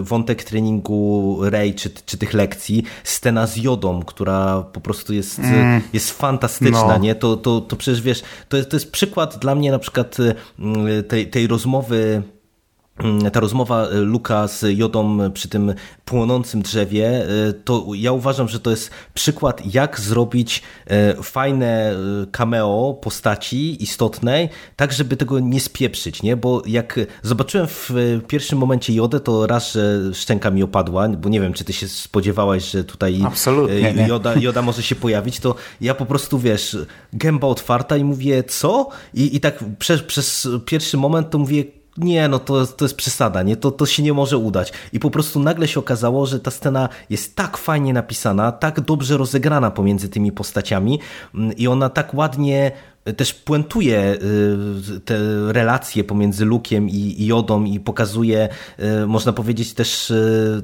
co nieco z perspektywy w ogóle Jedi jako takich, a, jeszcze w kontekście jakby później sceny z księgami, które widzimy w Sokole na końcu, które Rey ukradła z drzewa, to ona... Zakosiła. Tak, to w ogóle jeszcze jest, ta scena jeszcze nabiera dodatkowego smaczku. Super scena i, i, i ta końcówka z Lukiem, to i ten moment, kiedy on rozmawia z Leją i ta finałowa scena pomiędzy nim a Kylo Renem, no naprawdę ja całościowo jestem tym wątkiem maksymalnie usatysfakcjonowany. Wiesz, że ja teraz będę godzinę gadał, nie? Bo to jest dla mnie esencja tego filmu. Po prostu naprawdę mógłbym osobny podcast nagrać o wątku Luka. E, jeżeli chodzi o, o Jodę, bo skoro już o tym tak dużo mówiłeś, to e, w pierwszej chwili faktycznie to jest takie kurde, co?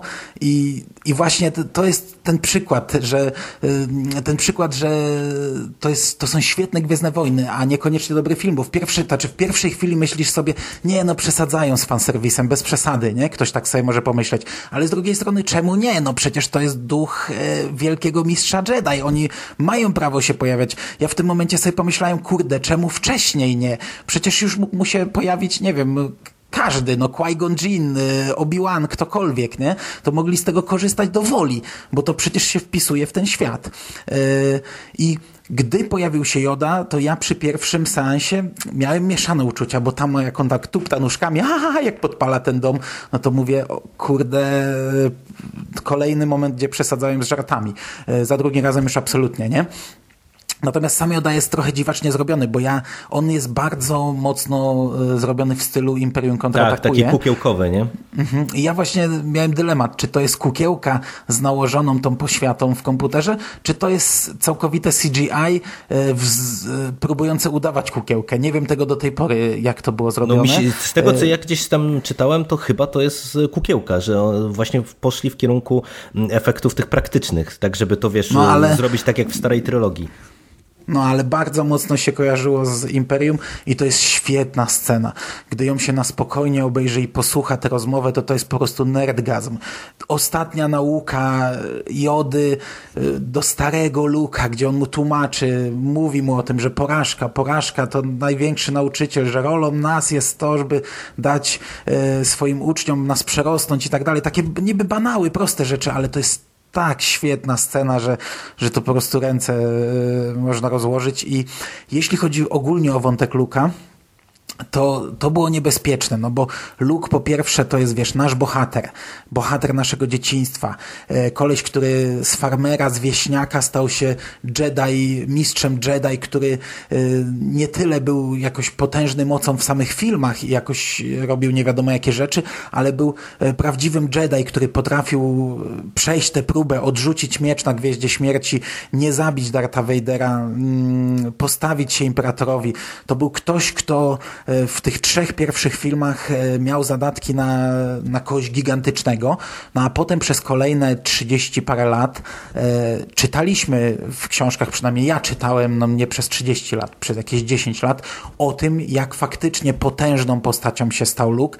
No i tak jak na przykład po Łotrze 1 zachwycaliśmy się tam, tym ostatnim występem Darta Vadera, że wreszcie widzimy tego Vadera, który przez te wszystkie lata w naszej głowie urósł do takiej potęgi, nie? No bo wcześniej w filmach aż takiej potęgi nie widzieliśmy. Mhm, nie? Tak, tak. To było nasze wyobrażenie. I dokładnie tak samo jest z Lukiem.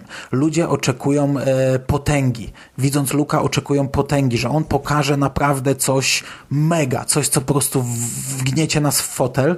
No, trailery zapowiadały, że to będzie e, przerażony, e, rozbity, w ogóle przegrany człowiek i tym y, byłem zaniepokojony. To znaczy zakładałem, że środkowy epizod pokaże nam e, tak Rey jakoś tam wpłynie na Luka, ale to będzie dopiero droga. A że dopiero w następnym epizodzie, w dziewiątym, on faktycznie znów e, powstanie z kolan, sięgnie po miecz i będzie finałowa walka między Rey a Kylo oraz między Lukiem a Snowkiem. Jakaś taka potężna, wielka walka, nie? Mhm. I na przykład Mark Hamill mówił dokładnie to samo. E, już po filmie powiedział, że gdy czytał scenariusz, to nie podobało mu się to, co zrobiono z Luke'em. Że odeszli od wizji Lucasa, że dokładnie mówił coś takiego, że... Mm, z pełnego nadziei młodego optymisty Luke stał się starym, zgryźliwym cynikiem, ale jak przyznał e, aktor, gdy zobaczył już skończony film, to zmienił zdanie w tej kwestii. No i właśnie, i właśnie tu mogę przyznać rację, że tak jak no źle mi się patrzyło na Luka takiego, takiego przegranego trochę, takiego, który odciął się od mocy, nie chce już pomagać, nie, on przegrał, on no tak naprawdę z tego, co widzimy w tym filmie, no dużą porażkę odniósł w roli nauczyciela e, Bena ale to, co widzimy w końcówce, i to jest zapoczątkowane właśnie tym momentem, gdy on e, rozmawia z Jodą tak naprawdę. I to, co widzimy w końcówce, to jest dla mnie esencja e, tego, czego no, mogłem oczekiwać po tym filmie. To jest coś, za co kocham ten film tak naprawdę, bo widzimy potężnego Luka najpierw. Potężnego. Ja w ogóle całkowicie kupowałem tę scenę, gdy on wychodzi i te wszystkie ATM-6 e, stają. W ogóle jest przerażenie, cisza i Kylo się drze strzelać do niego, z wszystkich dział ładować do niego. Ale to jest, ja rewelacyjna, to nie, to jest rewelacyjna scena. Luke, oni przez pół minuty naparzają do niego z potężnych dział, a on wychodzi i sobie strzepuje tylko kusz y, z ramienia. Ja kupowałem, że to jest Luke. Właśnie widzę potęgę, właśnie widzę tego Luka, na którego czekałem. Potem mamy te kapitalną walkę, która tak naprawdę nie jest walką, tylko unikami e, Luka, a potem okazuje się, że to jest kurcze iluzja i to jest tak świetna rzecz. I to się całkowicie wpisuje w, w Gwiezdne Wojny, jak dla mnie, no bo e, cała koncepcja mocy to jest właśnie energia spajająca wszystko, energia, na którą można wpłynąć. I ja to całkowicie kupuję. Nie przypominam sobie takich motywów e, w rozszerzonym uniwersum, chociaż chyba było coś niemalże identycznego w tym komiksie Dark Empire, właśnie też Luke stojący naprzeciw maszyny kroczącej i chyba to też była iluzja, ale, e, ale nie pamiętam aż, tego, aż tak tego komiksu, natomiast e, wszystko to, że mm, wiesz, ta postać ma e, fizyczny kontakt. On przecież e, dotyka, całuje w czoło Leję. Mhm no to to wszystko się wpisuje, no bo moc jest energią, potężny Jedi y, może tak wpłynąć na energię, że ona zmyli wzrok, zmyli dotyk y, i, i tak dalej, nie? Nawet ta, przecież ten, holog, ten, to nie jest hologram, kurczę, ten, ta iluzja Luka, ona mówi, bo przecież on prowadzi rozmowę z Leją, no ale głos jest falą dźwiękową. Y, potężny Jedi pewnie może wpłynąć tak na energię spajającą całe uniwersum, cały kosmos, żeby te fale się wytworzyły jakoś. Przy czym jest to bardzo pewnie potężne wiesz, mambo jumbo, nie? Jediowskie. Natomiast scena właśnie, gdzie on podchodzi do Lei, przeprasza ją, pomimo tego, że tak naprawdę w pewnym sensie go tam nie ma, chociaż on to czuje, on to mówi, więc tak jakby był, jest świetna, no bo te postacie nie miały szansy się spotkać na ekranie. To też jest jedna z rzeczy, które się zarzucało y, już Abramsowi, że zdążył zabić Hana, zanim oni się ze sobą spotkali. Y, bardzo mi się to podobało. Y, później jest kilka takich scen, mrugnięć trochę, które mają nam zasugerować, że to może nie być Luke, bo na przykład jest pokazane, jak Kylo szura nogą po soli i zostaje czerwony ślad, a za chwilę Luke robi to samo i nie zostaje czerwony ślad. Chociaż skoro miał fizyczny kontakt z Leją, to mógł pewnie zostawić ślad, no ale to taki drobiazg. Mam wrażenie, że jak Luke przechodzi koło C-3PO, to Tripio rozpoznaje, no bo przecież droida raczej nie oszukasz mocą, nie? Mm -hmm. Ale w momencie, gdy on przechodzi koło C-3PO, to mu puszcza oko. E, I to taki jest drobiazg. Ja to, ja to odczytuję na takiej zasadzie, że Tripio wiedział, że, że tutaj nie ma Luka. E, no.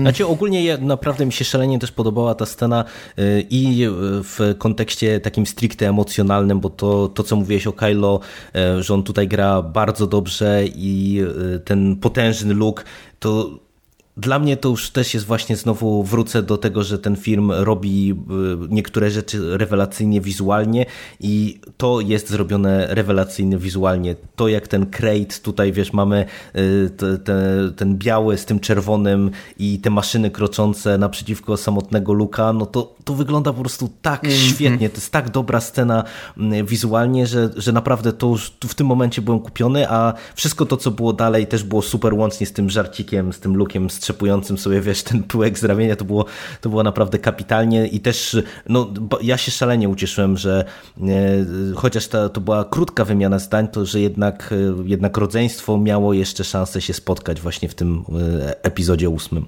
Chociaż e, nie tylko wizualnie, no bo fabularnie to też było odkupienie, wielkie odkupienie Luka na sam koniec. No bo pomimo tego, że go tam nie było, że nie pokazał tej fizycznej potęgi swojej e, w kontakcie z maszynami kroczącymi, no to pokazał gigantyczną potęgę e, rycerza mistrza Jedi. O, tak, tak. I, I dla mnie to było coś niesamowitego, że zobaczyłem tak potężnego Luka, który po tym wszystkim odchodzi, umiera i to jest scena, która mnie rozkłada po prostu na łopatki. I jestem w stanie naprawdę się chyba popłakać, myśląc o tej scenie, gdzie przy Gwiezdnych Wojnach takich emocji nie miałem do tej pory. Ja ci powiem tak, że gdy zacząłem śledzić rozszerzone uniwersum, to często myślałem o tym, jak, czy kiedyś przyjdzie taki moment, że pożegnamy się z tymi postaciami, ale w książkach no, był zakaz e, w ogóle ruszania tych, tych bohaterów. Ja tak po cichu liczyłem z 10 lat temu, że może przyjdzie taki moment, a to akurat teraz jest ten moment, bo wiesz, aktorzy są w tym wieku, że wstrzymają na chwilę książki, no nie, nie sądziłem, że je skasują, ale to już osobny temat i zrobią trylogię, w której pożegnają się z tymi bohaterami. I na przykład w siódmym epizodzie ja tego tak nie odczułem, jak, jak Han umarł. To było coś takiego, że wiesz, no kurczę, szkoda, ale, ale ta scena nie miała dla mnie aż tak, aż tak wielkich emocji. Ale to też mi się wydaje, że to była kwestia tego, że tego się wszyscy spodziewali, tak naprawdę. No to, to, to nie było specjalnie zaskakujące, ja bym tak powiedział, bo no ale, je, no, jednak wiesz... Od, no ale wiesz, tutaj. Tutaj nawet nie chodzi o zaskoczenie, chociaż to bardzo zaskakuje to, że Luke umarł, ale ja, ja na te postacie, to są dla mnie naprawdę cholernie ważne postacie, bo to nie są bohaterowie jakiegoś filmu, nie? To są, to są bohaterowie, którzy mieli jakiś tam wpływ nawet na, na moje życie, na mój rozwój. To są bardziej bohaterowie mojego życia, a nie bohaterowie jakiegoś konkretnego okresu. To nie są bohaterowie mojego dzieciństwa. To są bohaterowie mojego całego życia. I kurczę, wychowałem się oglądając przygody tego dzieciaka z Tatooine, tego farmera, chłopaka, a teraz po tych 30 latach, no nie wiem dokładnie ile, ale w życiu każdego z nas minęły dekady, mogliśmy zobaczyć, jak on, jak on umiera, jak on odchodzi. I to było szalenie dla mnie emocjonalne, bo ja sobie zawsze wyobrażałem śmierć Luka, ewentualną śmierć w przyszłości, właśnie taką, tak jak odszedł Joda w piątym epizodzie, czyli spokojnie, yy, szczęśliwy, spełniony, wygrany. Nie śmierć w bitwie, nie śmierć od miecza świetlnego, nie śmierć w wybuchu czy w statku kosmicznym, tylko właśnie taką. Siedzący, patrzący w niebo, tutaj jeszcze dodatkowo widzi dwa słońca nagle, co rewelacja, po prostu rewelacja. I dla mnie ta scena po prostu stawia ten film, y, wiesz, w, w w całym uniwersum Gwiezdnych Wojen stawia go na, na wyżynach, na podium, na, na szczycie. Ona sprawia, że ten film jest dla mnie tak ważnym filmem. Ja w pełni podzielam twoje emocje i też się absolutnie z nimi zgadzam i e, powiem otwarcie, że ja się bardzo cieszę, że taki koniec Luka zobaczyliśmy i ja bym powiedział nawet, że tutaj bardzo przemyślanie konstrukcyjnie jest cały ten wątek, bo wiesz, ty wspomniałeś o tym, że zaczynał jako farmer, a skończył jako potężny mistrz Jedi i nie wiem, czy, czy na przykład zwróciłeś uwagę, że mamy scenę taką typowo farmerską, jak jest to dojenie krowy, y, którą y, też niektórzy znienawidzili tę scenę, a ja to właśnie tak odebrałem, że mamy pokazanego, wiesz, Luka przez trochę taki pryzmat tego, kim on jest, nie? Że no kurczę, przecież to, to jednak jest ten chłopak z Tatooine i to nie, nie powinno być nic dziwnego. I bardzo mi się podobała właśnie ta ścieżka, którą tutaj widzimy yy, od właśnie trochę tej złamanej postaci do tego odkupienia i to, że on odchodzi właśnie jako szczęśliwy.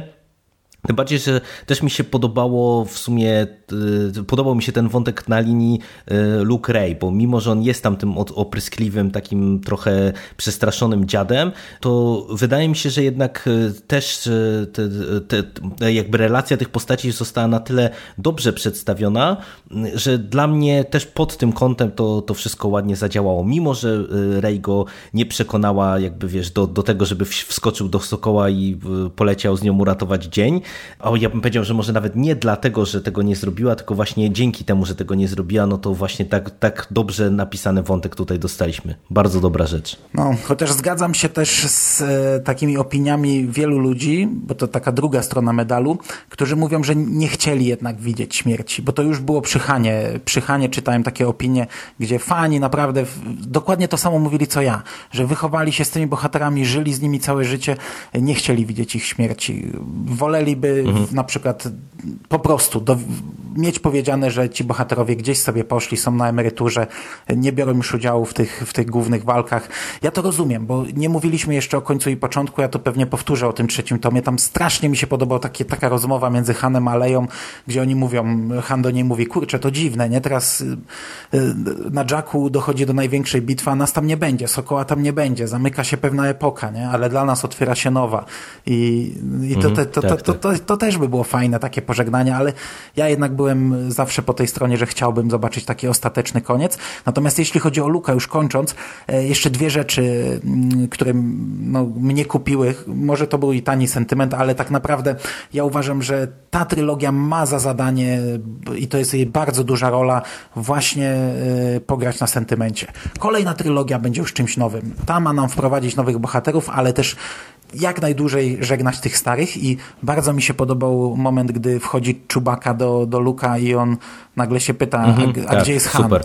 Bo kurczę, nie było pożegnania tak naprawdę z Hanem, nie? On umarł na koniec tamtego epizodu, a w, tu nie było czasu nawet, żeby nikt, nikt o tym nie pomyślał. Nawet Leia sama jakoś tam się z tym nie rozlicza, nie? A tutaj on pyta, gdzie jest Han i wtedy jest ta scena, jak wchodzi do tego starego Sokoła. Świetna scena i jeszcze niby coś taniego, ale to sam Luke mówi, że kurczę, grasz na, na, na dość tanich nutach. No, Znaczy nie wiem, czy użył słowa tanie, ale sens był ten, gdy R2D2 do niego podjeżdża i to takie spotkanie Mhm, przyjaciół tak, tak, tak. I, i Luke mówi, nie, nie przekonasz mnie, nie pojadę, a w tym momencie R2D2 puszcza wiadomość od Lei, nie? Gen- Generale, Mhm. generale Kenobi, nie? służył pan podczas wojen Mhm. klonów, y, to jest świetne, nie?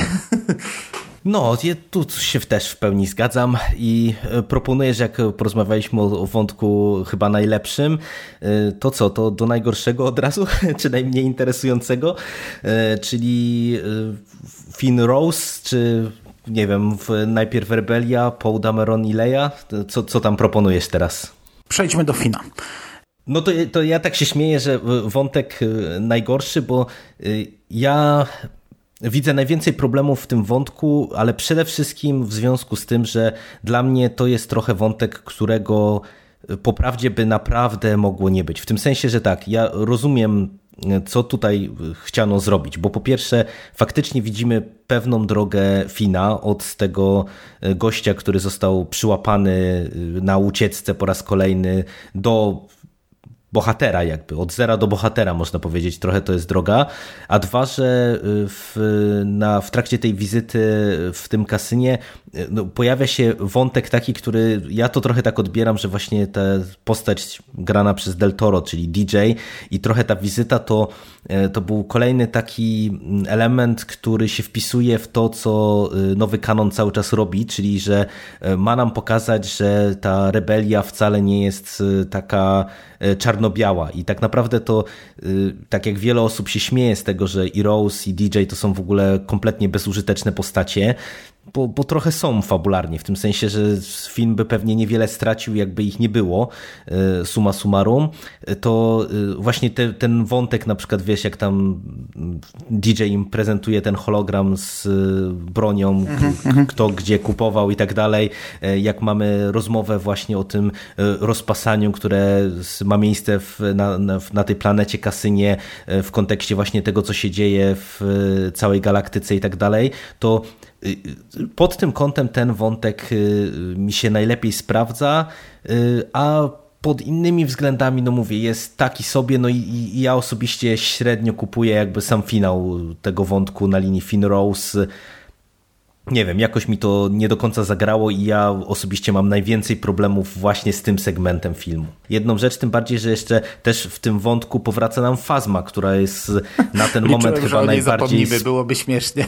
Jakbyśmy zapomnieli o Fazmie. Właśnie sobie przed chwilą przypomniałem i się zastanawiałem, czy mam o niej mówić. No, no niestety, no wiesz, no nie mogę jej odpuścić, bo, bo to jest po prostu chyba najbardziej koncertowo spartolona postać e, w tym e, uniwersum na razie, w tym uniwersum, no w tych epizodach, no bo e, dosyć szumnie zapowiadana, fajnie e, wyglądająca i została e, źle poprowadzona w epizodzie siódmym. Ja nawet powiem Ci szczerze, że wyparłem to, aż, że aż tak źle ona kończy w epizodzie siódmym. To jest tak fatalna scena, kiedy my się z Fazmą rozstajemy w Przebudzeniu Mocy, a, a tutaj powraca i, i też to jest niestety słabe, nie? Także pod tym kątem też kolejny minus dla tego wątku. Komiks nam ponoć pokazuje, jak ona wydostała się z tej zniszczarki śmieci, także czekajmy na komiks, juhu.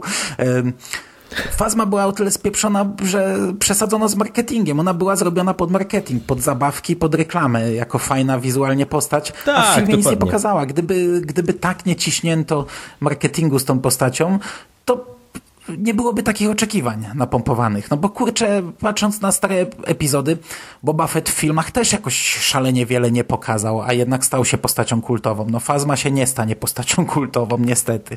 Czy niestety? No nie, no niestety, fajnie wyglądała i była wzorowana na kurde fantazmie, więc...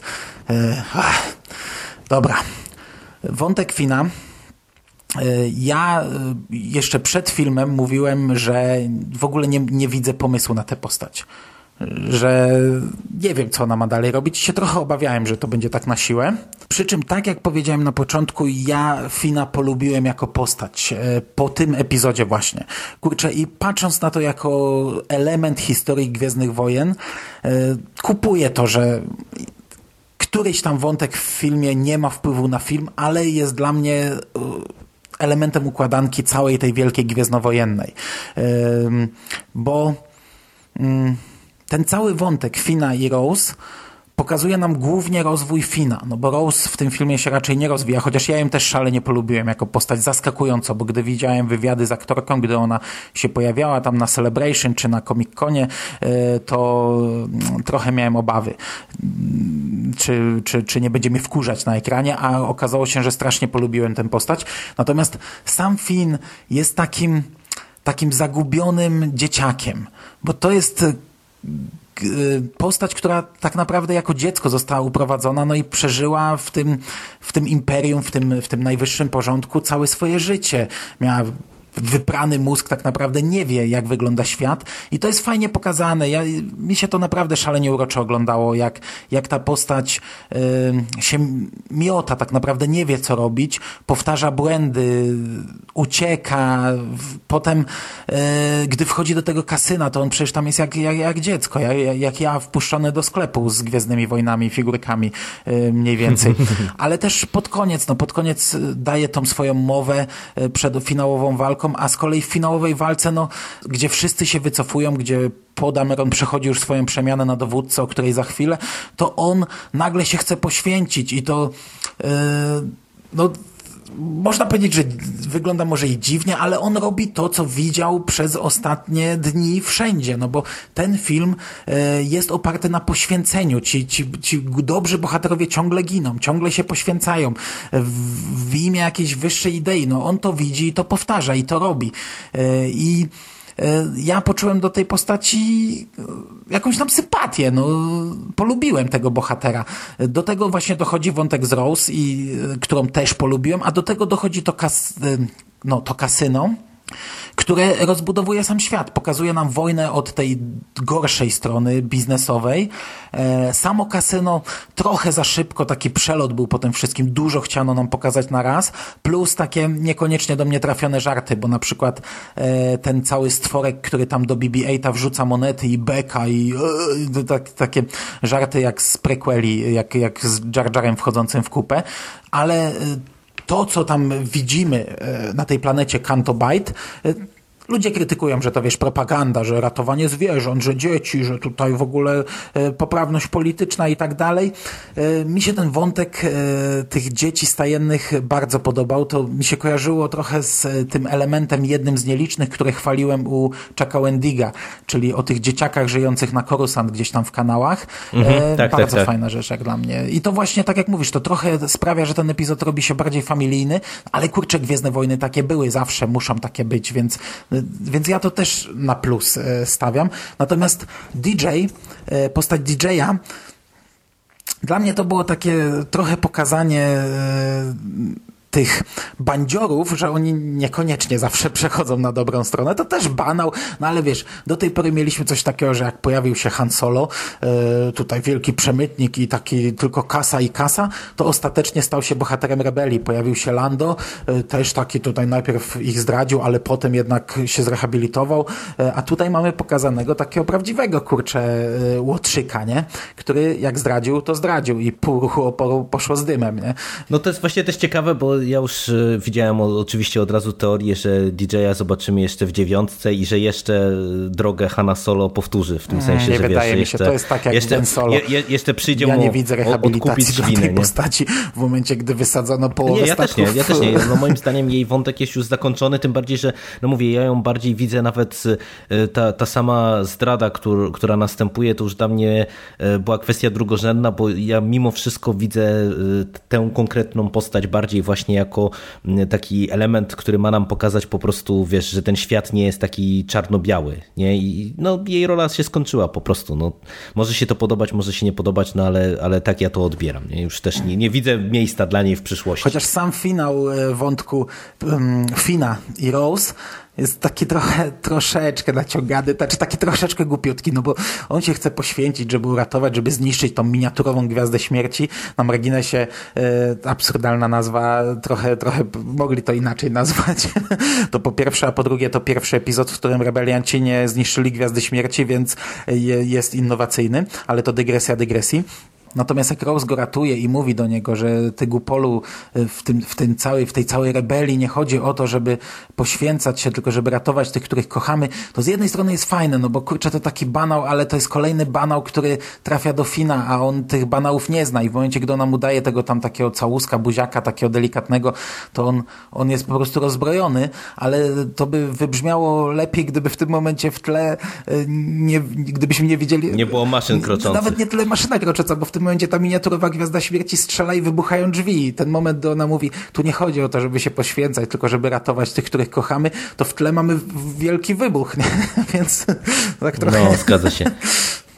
No dla mnie, dlatego mówię, no trochę mi się ten finał nie podoba, ale no mówię, ja ogólnie uważam, że to jest naprawdę zdecydowanie najsłabszy wątek i ja ci powiem też, że, że ja jakąś specjalną sympatią do Fina nie zapałałem po tym epizodzie i po tym, jak to wszystko zostało rozegrane. Mówię, widzę pewnie elementy fajne w, akurat w tym elemencie opowieści, ale całościowo wydaje mi się to mimo wszystko jakieś takie nijakie i y, tak jak y, ty wspominałeś o tym, że nie, nie, nie czułeś jaką rolę ma pełnić Finn, to ja nadal tego specjalnie nie czuję. I no tak, bo on nie ma swojej nie, nie, nie, za bardzo dalej. No, no, właśnie, no ale wiesz, ale to... Ja, ja to rozumiem, to trochę, ja to rozumiem, to, to co ty mówisz, mnie... rozumiem dokładnie. Takie sobie, nie? Przy pierwszym podejściu do tego filmu to w ogóle wydało mi się, że to powinno, to powinno wylecieć absolutnie z tego filmu, bo po co to e, ten cały wątek kasyna.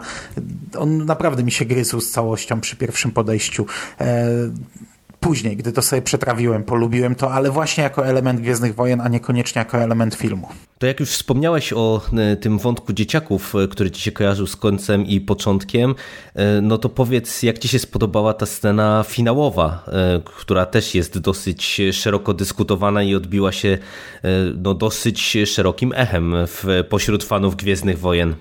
No właśnie ja ci powiem, że byłem bardzo zaskoczony tym, że y, część moich znajomych krytykowała tę scenę. Tutaj w ogóle y, finał tego filmu jest jak Powrót Króla. On się tyle razy kończy, że, tylko że to są takie krótsze scenki że chyba cztery razy myślałem, że ten film już się kończy, a jeszcze się nie kończył. No niektórzy złośliwi to mówią, że ten film o całe ostatnie 40 minut to ma tak, wiesz, cztery zakończenia po drodze, więc wiesz, zrozumiałem. Ale mnie się ta ostatnia scena bardzo podobała.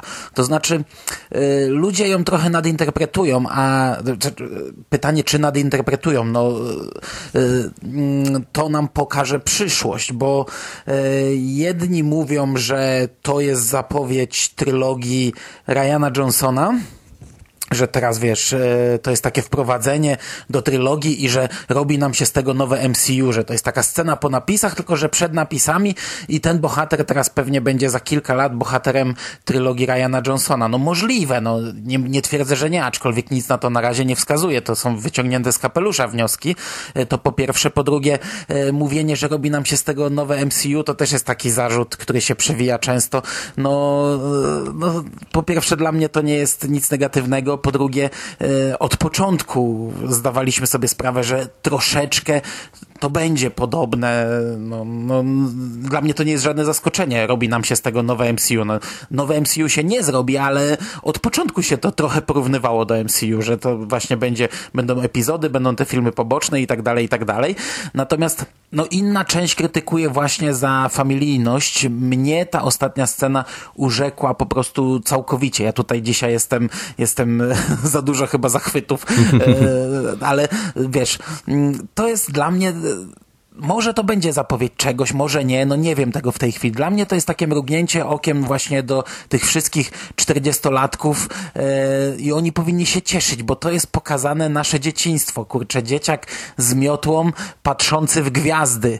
No i yy, ja to kupuję całkowicie, wiesz, to jest nasze dzieciństwo. Biegaliśmy z kijami, z, z jakimiś tam, wiesz, czymś, co udawało miecze, świetlne latarkami, czy coś, patrzyliśmy w gwiazdy, marzyliśmy. Tutaj mamy właśnie taki, taką postać i to jest, to jest urocze urocze, to jest fajne.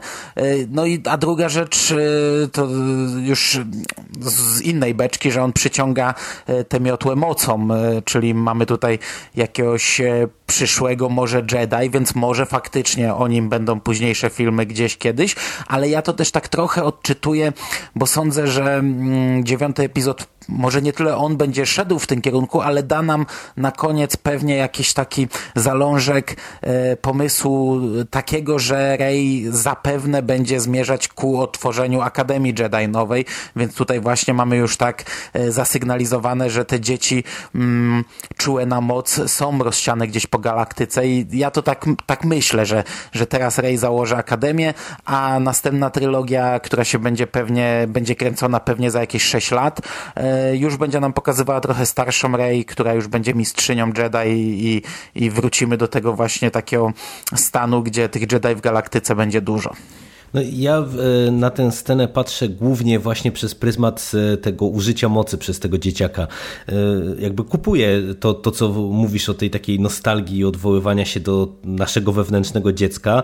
Mm, to, to jak najbardziej jest dla mnie fajna linia interpretacyjna, natomiast w kinie w ogóle tak tego nie odczułem, tylko e, bardziej mi się to wpisało e, w to, co jest trochę też dyskutowane przy okazji Rey, czyli że wiesz, że mamy e, no, na ten moment przynajmniej wieśniaczkę, która jest potężna w mocy, no i, i tak doszedłem do wniosku, że to jest taki kolejny element, który ma nam pokazywać, że no, ta moc w tym świecie jest i to nie jest tak, że ona jest zarezerwowana tylko i wyłącznie y, do, do rodu Skywalkerów w, wiesz, w tej chwili, nie? Tak jak to było przecież y, w starej trylogii, y, gdzie już no, mówiło się, że praktycznie nie ma rycerzy Jedi, tylko że jednak ta moc gdzieś tam po tym przebudzeniu w epizodzie siódmym, no ona zaczyna znowu faktycznie oddziaływać i ja stwierdziłem właśnie, że to być może w takim kierunku będzie też szło. Niekoniecznie pomyślałem sobie o, o nawet samej Akademii,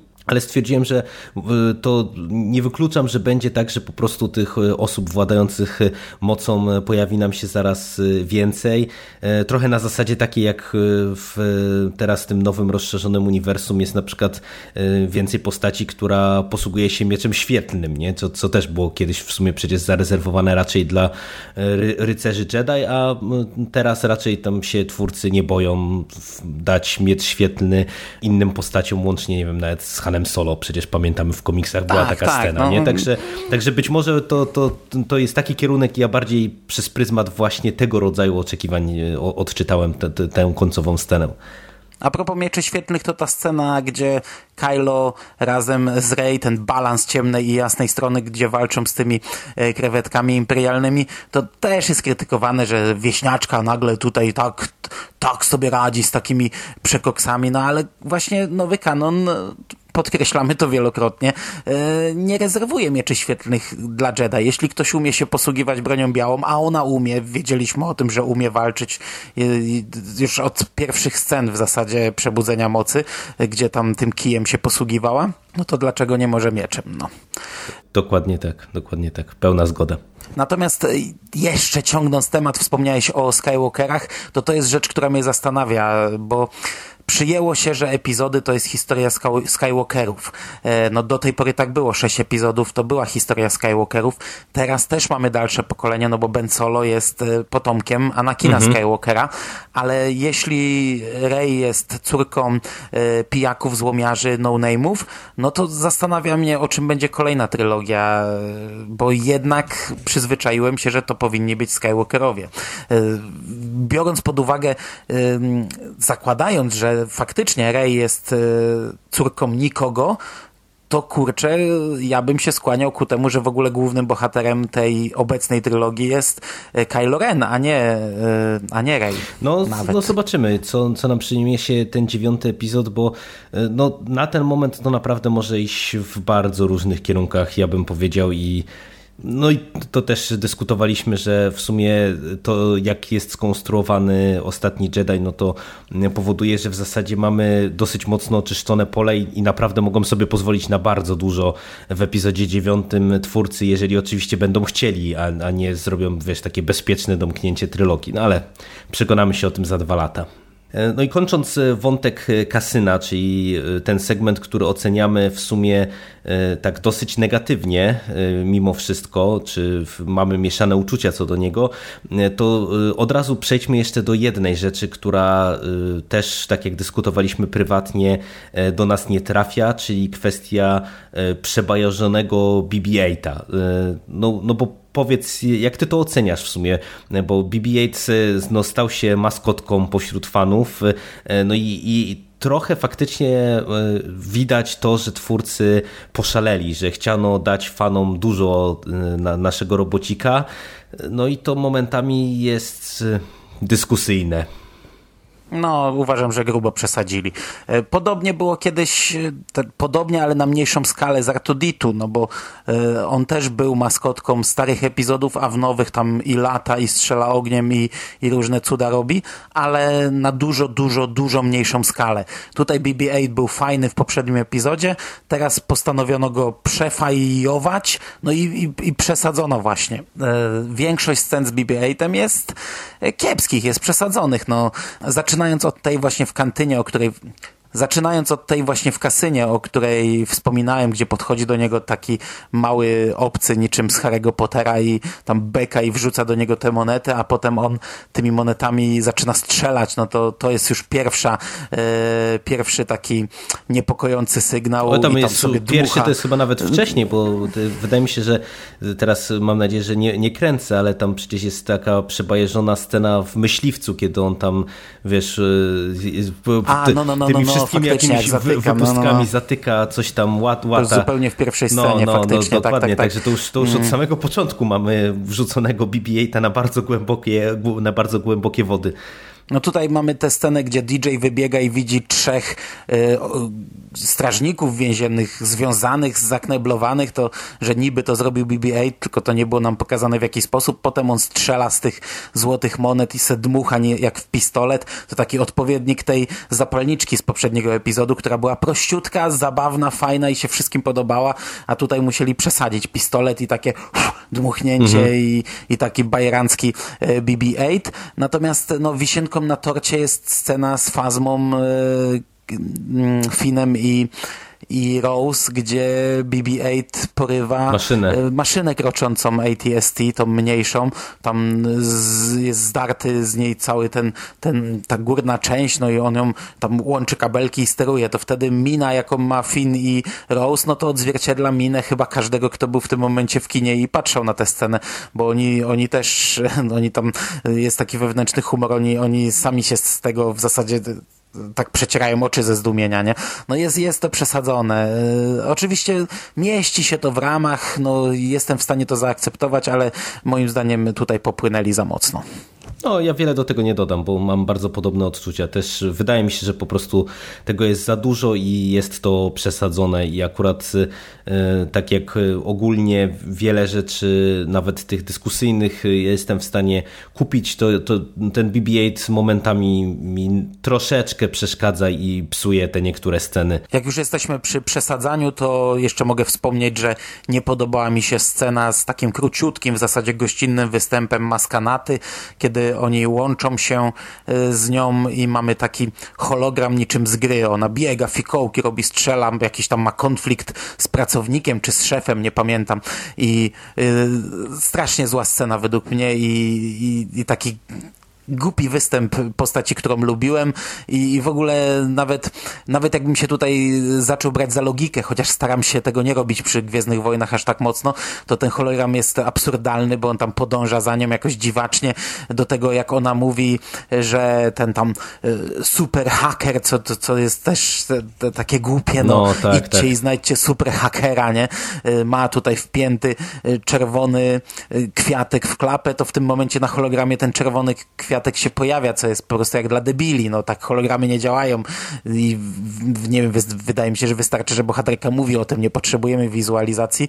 Poza tym już jakbym miał tu brnąć i brnąć w temat, to skoro mogli się z nią połączyć ze statku, to dlaczego nie wezwali y, tego sygnału do pomocy ze statku i tak dalej, i tak dalej. No można by y, tutaj się teraz pogrążać, ale te, ja nie przepadam za tą sceną, nie podoba mi się. Wolałbym ten film bez maskanaty niż z taką maskanatą. No i to, że ta scena jest jest zła, to najlepiej świadczy o tym, że ja ją wyparłem zupełnie.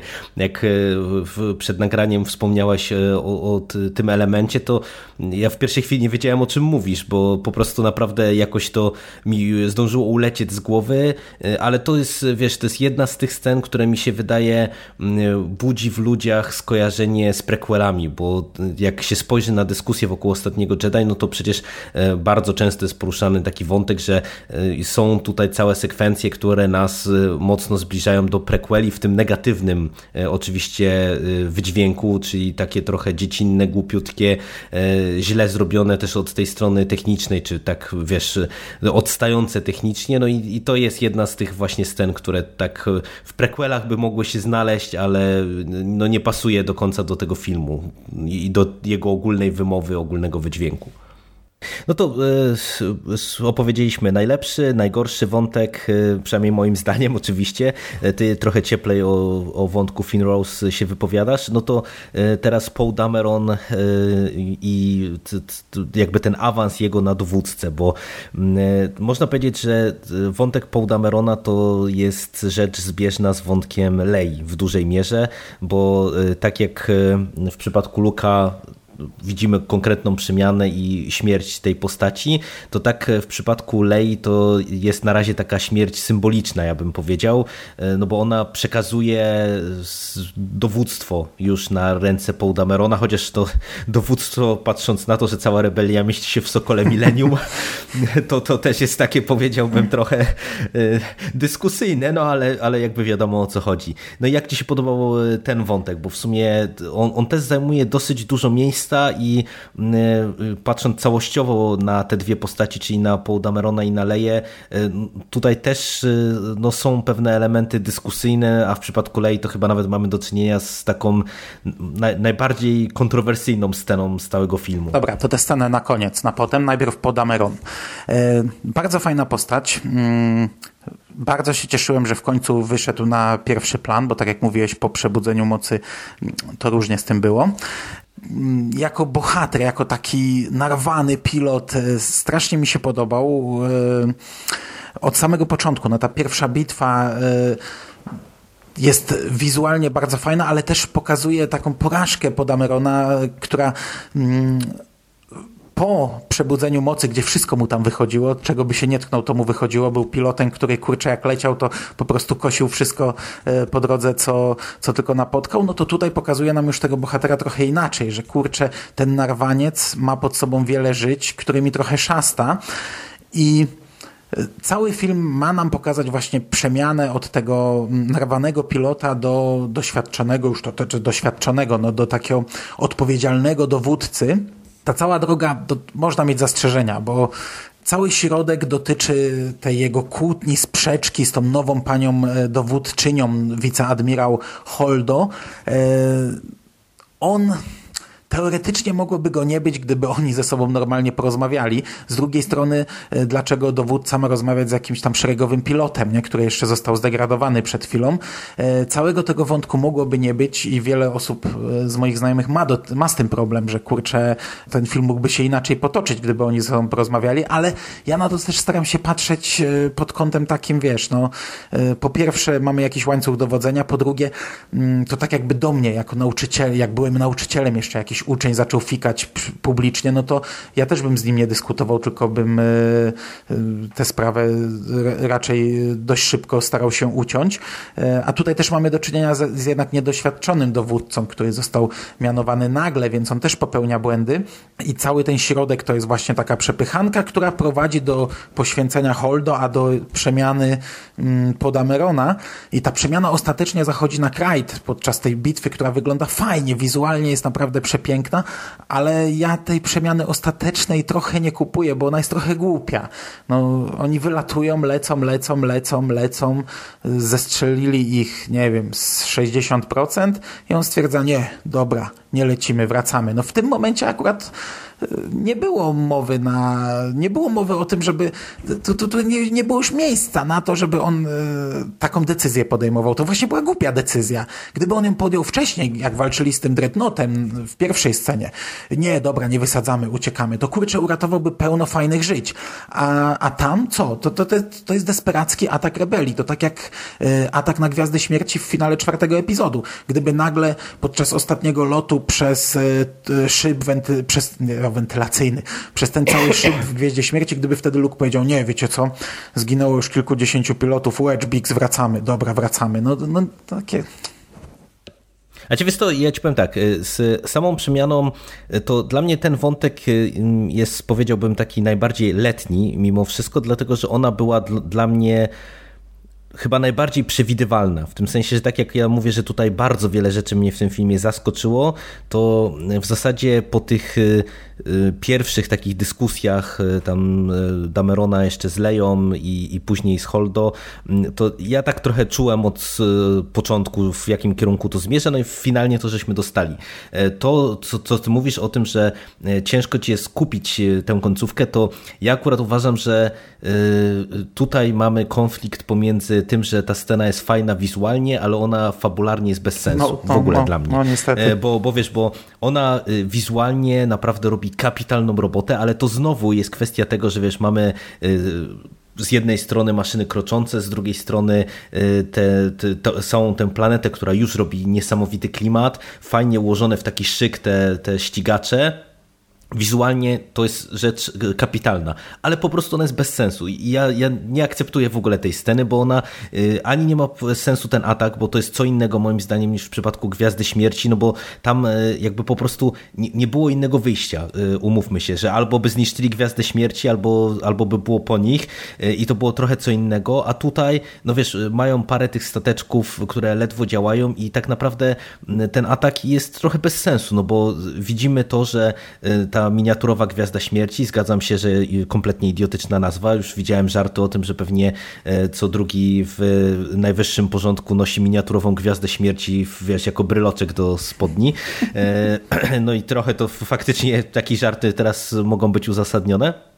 E, I wiesz, no, no, widzimy, że ona ma rozwalić e, bramę, no ale później, no i, i tak, no co? No wiesz, no albo rozwali, albo nie rozwali, ale oni tam mogli tak naprawdę trochę przedłużać swoją agonię, a patrząc z perspektywy i tak tej finałowej ewakuacji, to wiesz, to można było to rozegrać zupełnie inaczej, nie? No ta, tak naprawdę, wiesz, rozwalenie tej bramy to ani nie pomogło, ani nie zaszkodziło, e, można powiedzieć, więc no mówię, dla mnie cała ta, ta sekwencja jest niestety bardzo mocno dyskusyjna i z tego punktu widzenia, wiesz, ta przemiana trochę przechodzi w złym momencie, no bo to, to było oczywiste, w jakim kierunku to, do tego zmierzamy, ale też się w pełni zgadzam że w tej konkretnej scenie to, mimo że cała scena jest nieszczęśliwa, to, to jeszcze też jest y, dodatkowy taki element y, słabo wypadający. Ale ogólnie po, jako postać, tak jak on gra w tym filmie, strasznie mi się podoba jako bohater. Jak mi podchodzi też, do Holdu i z nią to, rozmawia, to właśnie sceny jego powitania z każdą postacią, ja się nie dziwię, że tutaj można wietrzyć romans, bo to właśnie jest taki, taki, taki rozbójnik, taki, e, taki narwaniec, ale taki taki też y, Lovelas, trochę taki przystojniak Kasanowa. Ale to tutaj jak jesteśmy przy Poe, to y, też y, warto wspomnieć o tym, o, o, czym dyskutowaliśmy prywatnie, że trochę brakuje czarnych, nie? Że tak jak rozmawialiśmy o, o tym rozszerzonym uniwersum i o tym, że mówi się, o, że te, te epizody mają być inaczej rozgrywane w kontekście właśnie rozszerzonego uniwersum, no to jednak wiesz, mamy budowanego Paul Damerona jako dowódcę eskadry czarnych, których y, nagle tutaj nie ma. Nie ma tych postaci, które znamy z rozszerzonego uniwersum, które były w Przebudzeniu Mocy. Mhm. No i to jest dziwne. I, I, w sumie y, ja nie wiem, co tu się zadziało tak naprawdę, bo uzasadnienia, dlaczego tych postaci tutaj nie ma, y, troch, troszeczkę mi brakuje z punktu widzenia z tego świata przedstawionego.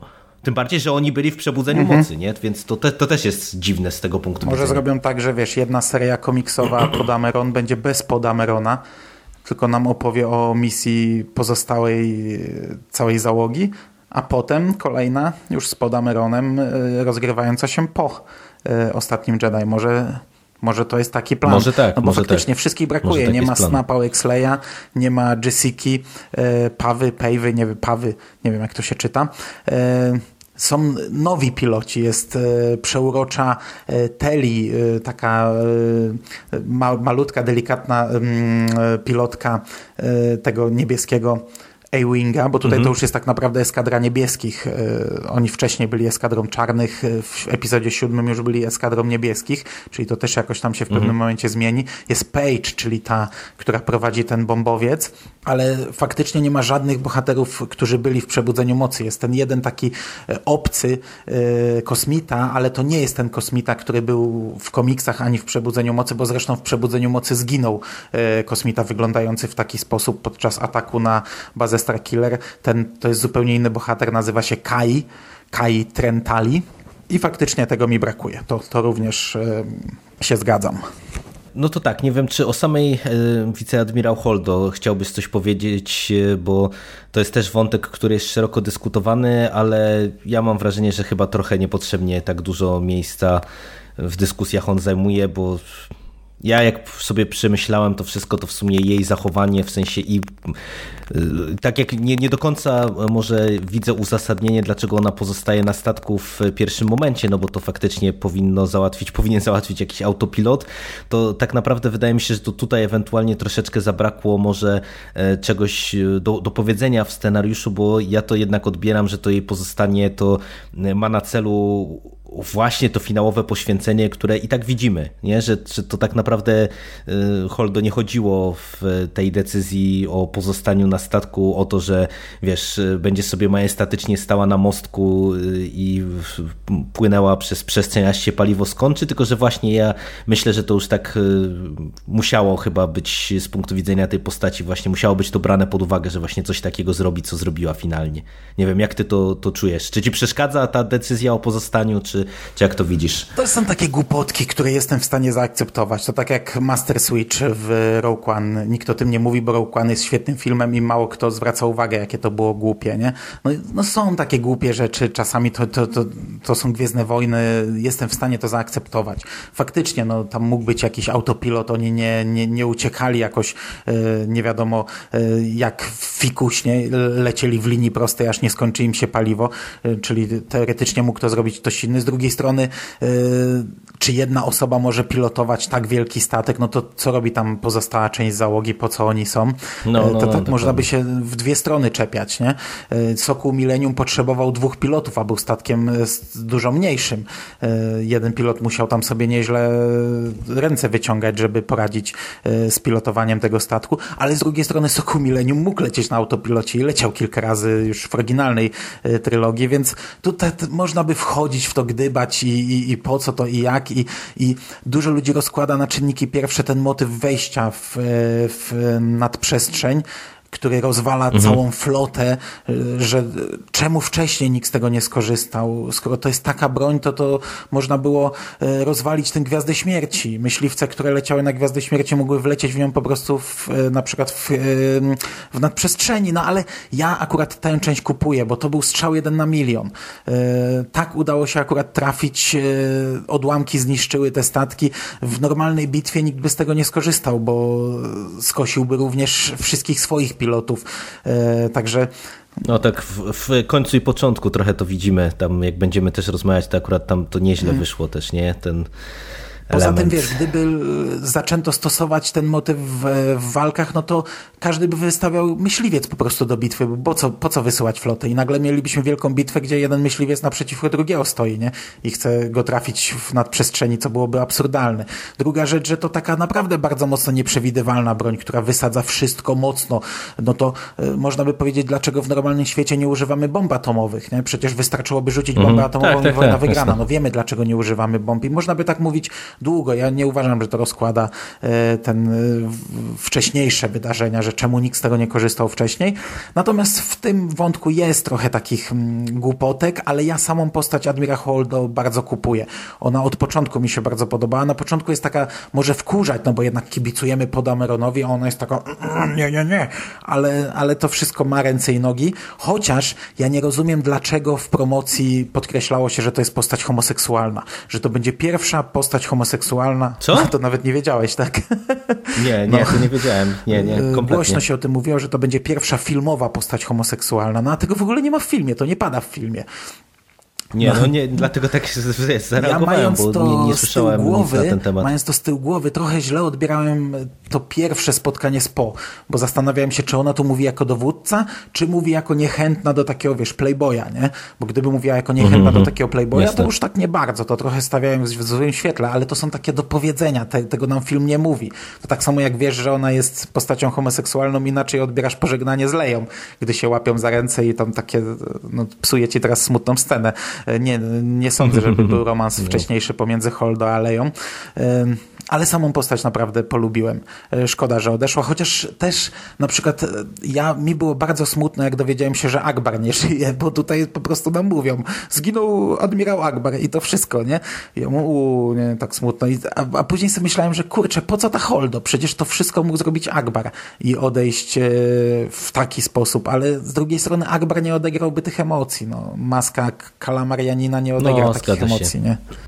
No to e, wspomniałeś o pożegnaniu Holdo i Lei, no to na, na koniec, bo już godzina jest nieprzyzwoita jak na nagrywanie e, w środku tygodnia, e, to przejdźmy do Lei. E, w sumie relatywnie mało czasu wydaje mi się antenowego, że się tak wyrażę w ostatnim Jedi akurat Leia dostała i nie dość, że tego czasu dostała relatywnie mało, no to, to mówię, no trafia się jedna scena dyskusyjna, przy czym no, nie wiem, czy, czy aż na tyle dyskusyjna, jak też wywołała negatywnych emocji. Jak, jak ty widzisz w ogóle całościowo ten, ten wątek e, i tę nie, nie, nieszczęśliwą scenę? E, Scena, w której ona zostaje wyrzucona w przestrzeń kosmiczną, no krytykowana jest bardzo, bardzo mocno pod różnymi kątami. Ja się zgadzam, że ona źle wygląda e, w kinie. Z tym się zgadzam. No bo ym, stara kobieta, stara baba, starsza kobieta lecąca w tej, w tej kiecce przez y, przestrzeń kosmiczną wygląda źle. No Mary, Mary, Mary, Mary Poppins, nie? Tak jak się No, śmiałem. nie? wygląda źle, ale wiesz, ludzie tutaj krytyka, że powin, ona powinna już zginąć, przecież jest w próżni kosmicznej, powinno się z nią stać to, to, to i to i to. No kurde, to nie jest science fiction. Gdy w epizodzie piątym Han wychodzi z Sokoła, gdy myśli, że jest na asteroidzie, no to zakłada taką maseczkę jak w szpitalu na twarz, nie? A idzie sobie normalnie w przestrzeni kosmicznej. No to jest space opera, a nie, a nie mm, science fiction. Także czepiać się tego to jest kompletny absurd. A druga rzecz, że te, ja ogólnie tę scenę kupuję i to w momencie, gdy widziałem ją w kinie, to facepalma zaliczyłem, nie? Ona naprawdę wygląda źle, jest koszmarna. Kupuję ją jako element świata Gwiezdnych Wojen. Znów, znów to samo powtarzam. E, Nie jako scenę w filmie, ale jako element świata Gwiezdnych Wojen. Gdybym przeczytał o tym w książce, byłbym zachwycony. E, Leia w końcu pokazała, że jest um, czuła na moc. No bo Ale to wiesz, to, to, to, jest, to, to jest właśnie chyba sedno mojego problemu. Ale nie, to- to- to- to ja- że, że, że, że, że, nawet wiesz, to- nawet, nie, nie, nawet, nie, nawet nie kwestia wizualna, ale to, że y, to, to co u, powiedziałeś, że w końcu, no tak naprawdę no, gdzieś tam mieliśmy sygnalizowane, że Leia jest czuła na moc, ale ona tak naprawdę nigdy z tego nie korzystała, no a tutaj jednak y, no, pokazuje dosyć... No właśnie nie. I mówię, że ci przerwę, zanim głupoty zaczniesz gadać. Faktycznie, w książkach wiedzieliśmy tylko, że ma jakiś tam kontakt, czuje przez moc yy, dziecko, Bena. No ale to bardziej yy, macierzyństwo pewnie spowodowało mm, to, że tam się jakoś to bardziej uaktywniło u niej. Ale ja nie uważam. W pierwszej chwili też sobie pomyślałem, kurczę, jaka to jest potęga, nie? Przecież Leia nigdy nie była taka potężna. Ale z drugiej strony koncepcja mocy mówi nam o energii, która spaja wszystko i Jedi nie podnoszą kamieni. Jedi wpływają na energię. Wielkość nie ma znaczenia. No kurczę, powtarza się nam to ciągle z ekranu. Ona jest w przestrzeni kosmicznej zawieszona. Tak naprawdę wystarczyłoby ją pstryknąć w plecy i ona będzie lecieć. Ona używa tam naprawdę delikatnie tej mocy. Okej, no musi wytworzyć jakąś bańkę pewnie, żeby przeżyć. E, Chociaż może, może niekoniecznie. Może ludzie, którzy są jakoś czuli na moc, są w stanie przeżyć dłużej. Ale tak naprawdę ona wystarczy, że siebie leciutko popchnęła tam i leci przez tę przestrzeń kosmiczną i tylko koryguje ten lot. Wcale tam nie musiała użyć jakiejś potęgi wielkiej mocy, ale dla mnie koncepcja Lei e, używającej mocy jest świetna. Ja to lubię. No w starym kanonie ona była Jedi i używała mocy, w nowym nie. I tutaj mi ten film pokazał Leję, która potrafi to zrobić, a z drugiej strony też ona tu jest postawiona w sytuacji desperackiej. No, to w takim momencie może się obudzić jakaś tam, nie wiem, wrażliwość mhm. na moc w danej postaci, no ale nie okłamujmy się, ta scena wygląda koszmarnie. Wygląda koszmarnie. A sam jakby całościowo ten jej wątek, czyli właśnie to, e, jak ona ustępuje miejsca e, po Dameronowi, bo, bo w zasadzie to tak jak mówię, no ona tu relatywnie niewiele ma miejsca, nie? Czyli wiesz, jest ten, ta pierwsza scena, kiedy ona e, no, spuszcza łomot trochę Dameronowi za to, co zrobił przy Dreadnocie i, i później no, wraca właśnie gdzieś tam już, żeby ustąpić pola, pożegnać się z Lukiem no jeszcze strzela do Damerona. Też fajna scena. Jak tak, wchodzi tak, Gandalf tak. biały, nie? Tak, tak, tak, Wiesz co, ja tutaj bardziej patrzyłem pod kątem takim, że to są ostatnie sceny, jakie z nią widzimy. I teoretycznie można było ją, tę postać uśmiercić w tym momencie, gdy ona wypadła w tę przestrzeń kosmiczną. Film by wiele na tym nie stracił. No można było po prostu trochę inaczej tam poprowadzić dalej wątek po, yy, nie ciągnąć go razem z Leją. Można było tak zrobić, ale trzeba by wywalić większość scen z Leją, a ja się jednak cieszyłem, że widzę tę postać. E, za każdym razem, jak ją widziałem na ekranie, cieszyłem się, że ją widzę i no z tą bohaterką nie pożegnamy się tak jak z Hanem i nie pożegnamy się tak jak z Lukiem. Nie zobaczymy pewnie jej śmierci w epizodzie dziewiątym. Nie sądzę, żeby się bawili w taki sposób. Ja obstawiam, że ta ostatnia scena, gdzie Leia mówi, czemu patrzycie na mnie? No, powiedział, idźcie za nim. Mhm, ona tak, może tak. jest... Bardzo fajna scena notabene. No fajna, ale wiesz, ona może jest już też aż za dużo tego rzucania w ekran. To Kowal z Masy Kultury na to narzekał troszeczkę, że, że aż za dużo tego jest. Ciągle nam mówią, ciągle nam mówią, że my, o tym zrywaniu z przyszłością. Tak? starzy odchodzą, przychodzą młodzi, ale dla mnie to była fajna scena i myślę, że ona już mi e, wystarcza za zakończenie e, wątku tej postaci. Ja uważam, że w dziewiątym epizodzie będzie przeskok czasowy i zobaczymy już postaci zupełnie inne. W napisach początkowych może nawet nam powiedzą, że Leja się wycofała. No kurczę, straciła męża, straciła brata, straciła syna, straciła wszystko. No ja stawiam, że ona w tym momencie po prostu odejdzie na bok i już jej nie zobaczymy. Natomiast przeskoczymy w czasie i może na przykład zobaczymy Poda Merona jako kurczę admirała, jako dowódcę, który może nawet nie usiądzie w myśliwcu, tylko będzie, wiesz, niczym mhm. E, Radus za, albo Akbar za sterami statku dowodził całą bitwą myślę, że ta ostatnia scena to jest pożegnanie z Leją i ja się cieszę, że, że, nie wycięto jej jakoś wcześniej, że nie zakończono na tym wątku, gdzie ona teoretycznie umarła, ale odżyła. Y, każda scena z Leją to będzie dla mnie, wiesz, każda dodatkowa scena z Leją, która się znalazła się w tym filmie, to jest no, ostatnią sceną z Carrie Fisher, jaką zobaczymy, więc, więc kurczę, cieszę się, że, że, że to dostaliśmy. No i dostaliśmy przecież bardzo fajną scenę z Lukiem na koniec, która by wypad musiała no, wypaść, no. gdybyśmy ją uśmiercili w filmie, a wydaje mi się, że jednak sama ta konkretna scena to już robi na tyle robotę, że no dobrze, że jednak to się potoczyło tak, jak się potoczyło. E, no i tak, na, na koniec właśnie miałem cię zapytać o, o to trochę, co trąciłeś, czyli e, to, co Michał Kowal tam z, rozmawialiśmy, co, co wspominał, że e, jest to takie zrywanie z przeszłością, no w tym momencie można powiedzieć, że już e, rozstaliśmy się w zasadzie z tymi starymi bohaterami, no bo Han nie żyje, Luke e, nie żyje, no, może Lando w końcu wezmą. Pola. E, Czubaki praktycznie rzecz biorąc nie ma, bo to też warte jest wspomnienia, że w zasadzie Czubaka tutaj to naprawdę robił za czwarty plan. Nie wiem, czy tobie to jakoś tam przeszkadzało, to, to takie zrywanie z przeszłością? Nie, bo tak jak powiedziałem, ta trylogia powinna mieć jako jedno z głównych zadań właśnie właśnie rozliczenie się z przeszłością.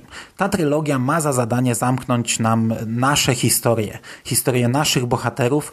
Ci aktorzy są akurat w idealnym wieku, no lepiej to się nie mogło trafić. E, jestem przeszczęśliwy, że coś takiego zostało nagrane. Ta trylogia ma za zadanie wprowadzić nowych i zakończyć wątek starych i choćby to było nie wiadomo jak e, przesadzone, patetyczne, wzniosłe, jakby tego było za dużo, to, to, to nie będzie tego za dużo. Ta trylogia ma taka być. Tyle. E, wydaje mi się, że tutaj i tak uniknięto tej patetyczności, tak e, przynajmniej w mojej ocenie, że wiesz, e, to zbalansowanie pomiędzy właśnie tym odchodzeniem od starego i przyjściem nowego dla, dla mnie było ok, bo ja się troszeczkę obawiałem w którymś momencie, że no, będziemy się musieli rozstać właśnie jeszcze z Lukiem i Leją i że dostaniemy właśnie trochę to w takim tonie podniosłym bardzo, a, a tutaj y, uniknięto tego i ja jestem też ogólnie zadowolony i i na koniec, bo myślę, że tutaj już wiele nie dodamy. Jeszcze pewne elementy by można było dyskutować, ale już i tak nam wyszedł potężny podcast, w sumie zgodnie z przewidywaniami. Mm, to ja bym chciał y, na sam koniec ruszyć wątek y, tego pogrywania z widzami i oczekiwaniami, e, które, e, które i troszeczkę widzimy w filmie, ale przede wszystkim, które e, z perspektywy już znajomości filmu widzieliśmy w trailerach, bo ja ci powiem szczerze, że chyba pierwszy raz w życiu widziałem trailer, który by aż tak bardzo oszukiwał przyszłych widzów i uważam, że to było super. To było tak rewelacyjne z perspektywy tego, co dostaliśmy w, ostatni Jedi, w ostatnim Jedi, że y, ja za y, ten marketing w przypadku tego filmu to naprawdę chylę czoła i biję gromkie brawa, bo y, to się fantastycznie udało. No przecież to, jak te sceny były przemontowane w trailerze, że wiesz, że wyglądało to na zupełnie coś innego niż ostatecznie otrzymaliśmy w filmie, to jak bardzo też w samym filmie pograno sobie z pewnymi właśnie teoriami fanów, wyrzuciwszy je do kosza, Y, dla mnie to, to jest też wartość dodania, dodana tego filmu i z punktu widzenia fabularnego i z punktu widzenia tego marketingowego stricte. No to było super, przy czym no, nikt się nie dał nabrać chyba trailerom. Raczej chyba od początku wiedzieliśmy, że one są przemontowane tak, żeby nas trochę tam yy, wprowadzać w błąd, ale no, one nie miały na celu nas nabrać, tylko miały na celu właśnie nam pokazać dużo, a tak naprawdę nie pokazać yy, nic, nie pokazać e, najważniejszych rzeczy i to zostało zrobione dobrze.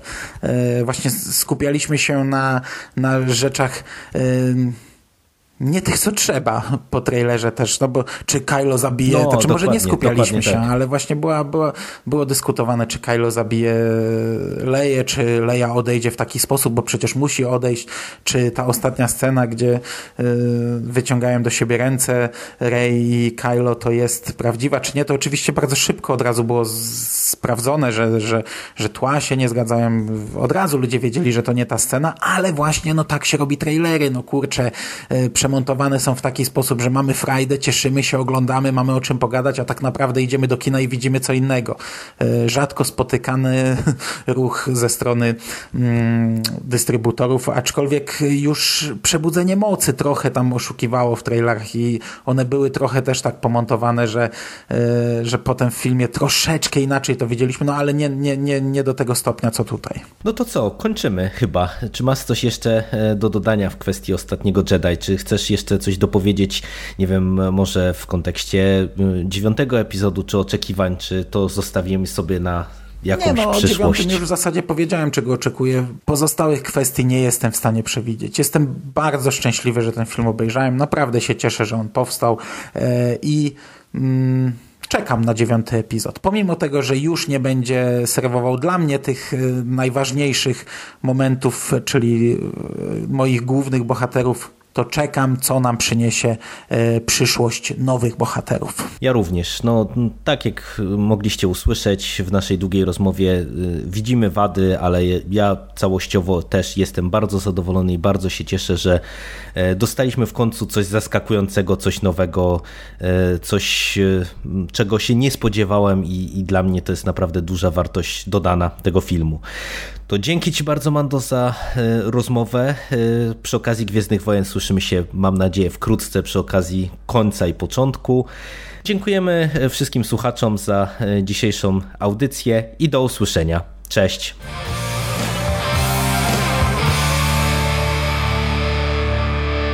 You finished? That's it, man. game over, man. It's game over. What the fuck are we gonna do now? What are we gonna do? It's over. Nothing is over! Nothing! You just don't turn it off!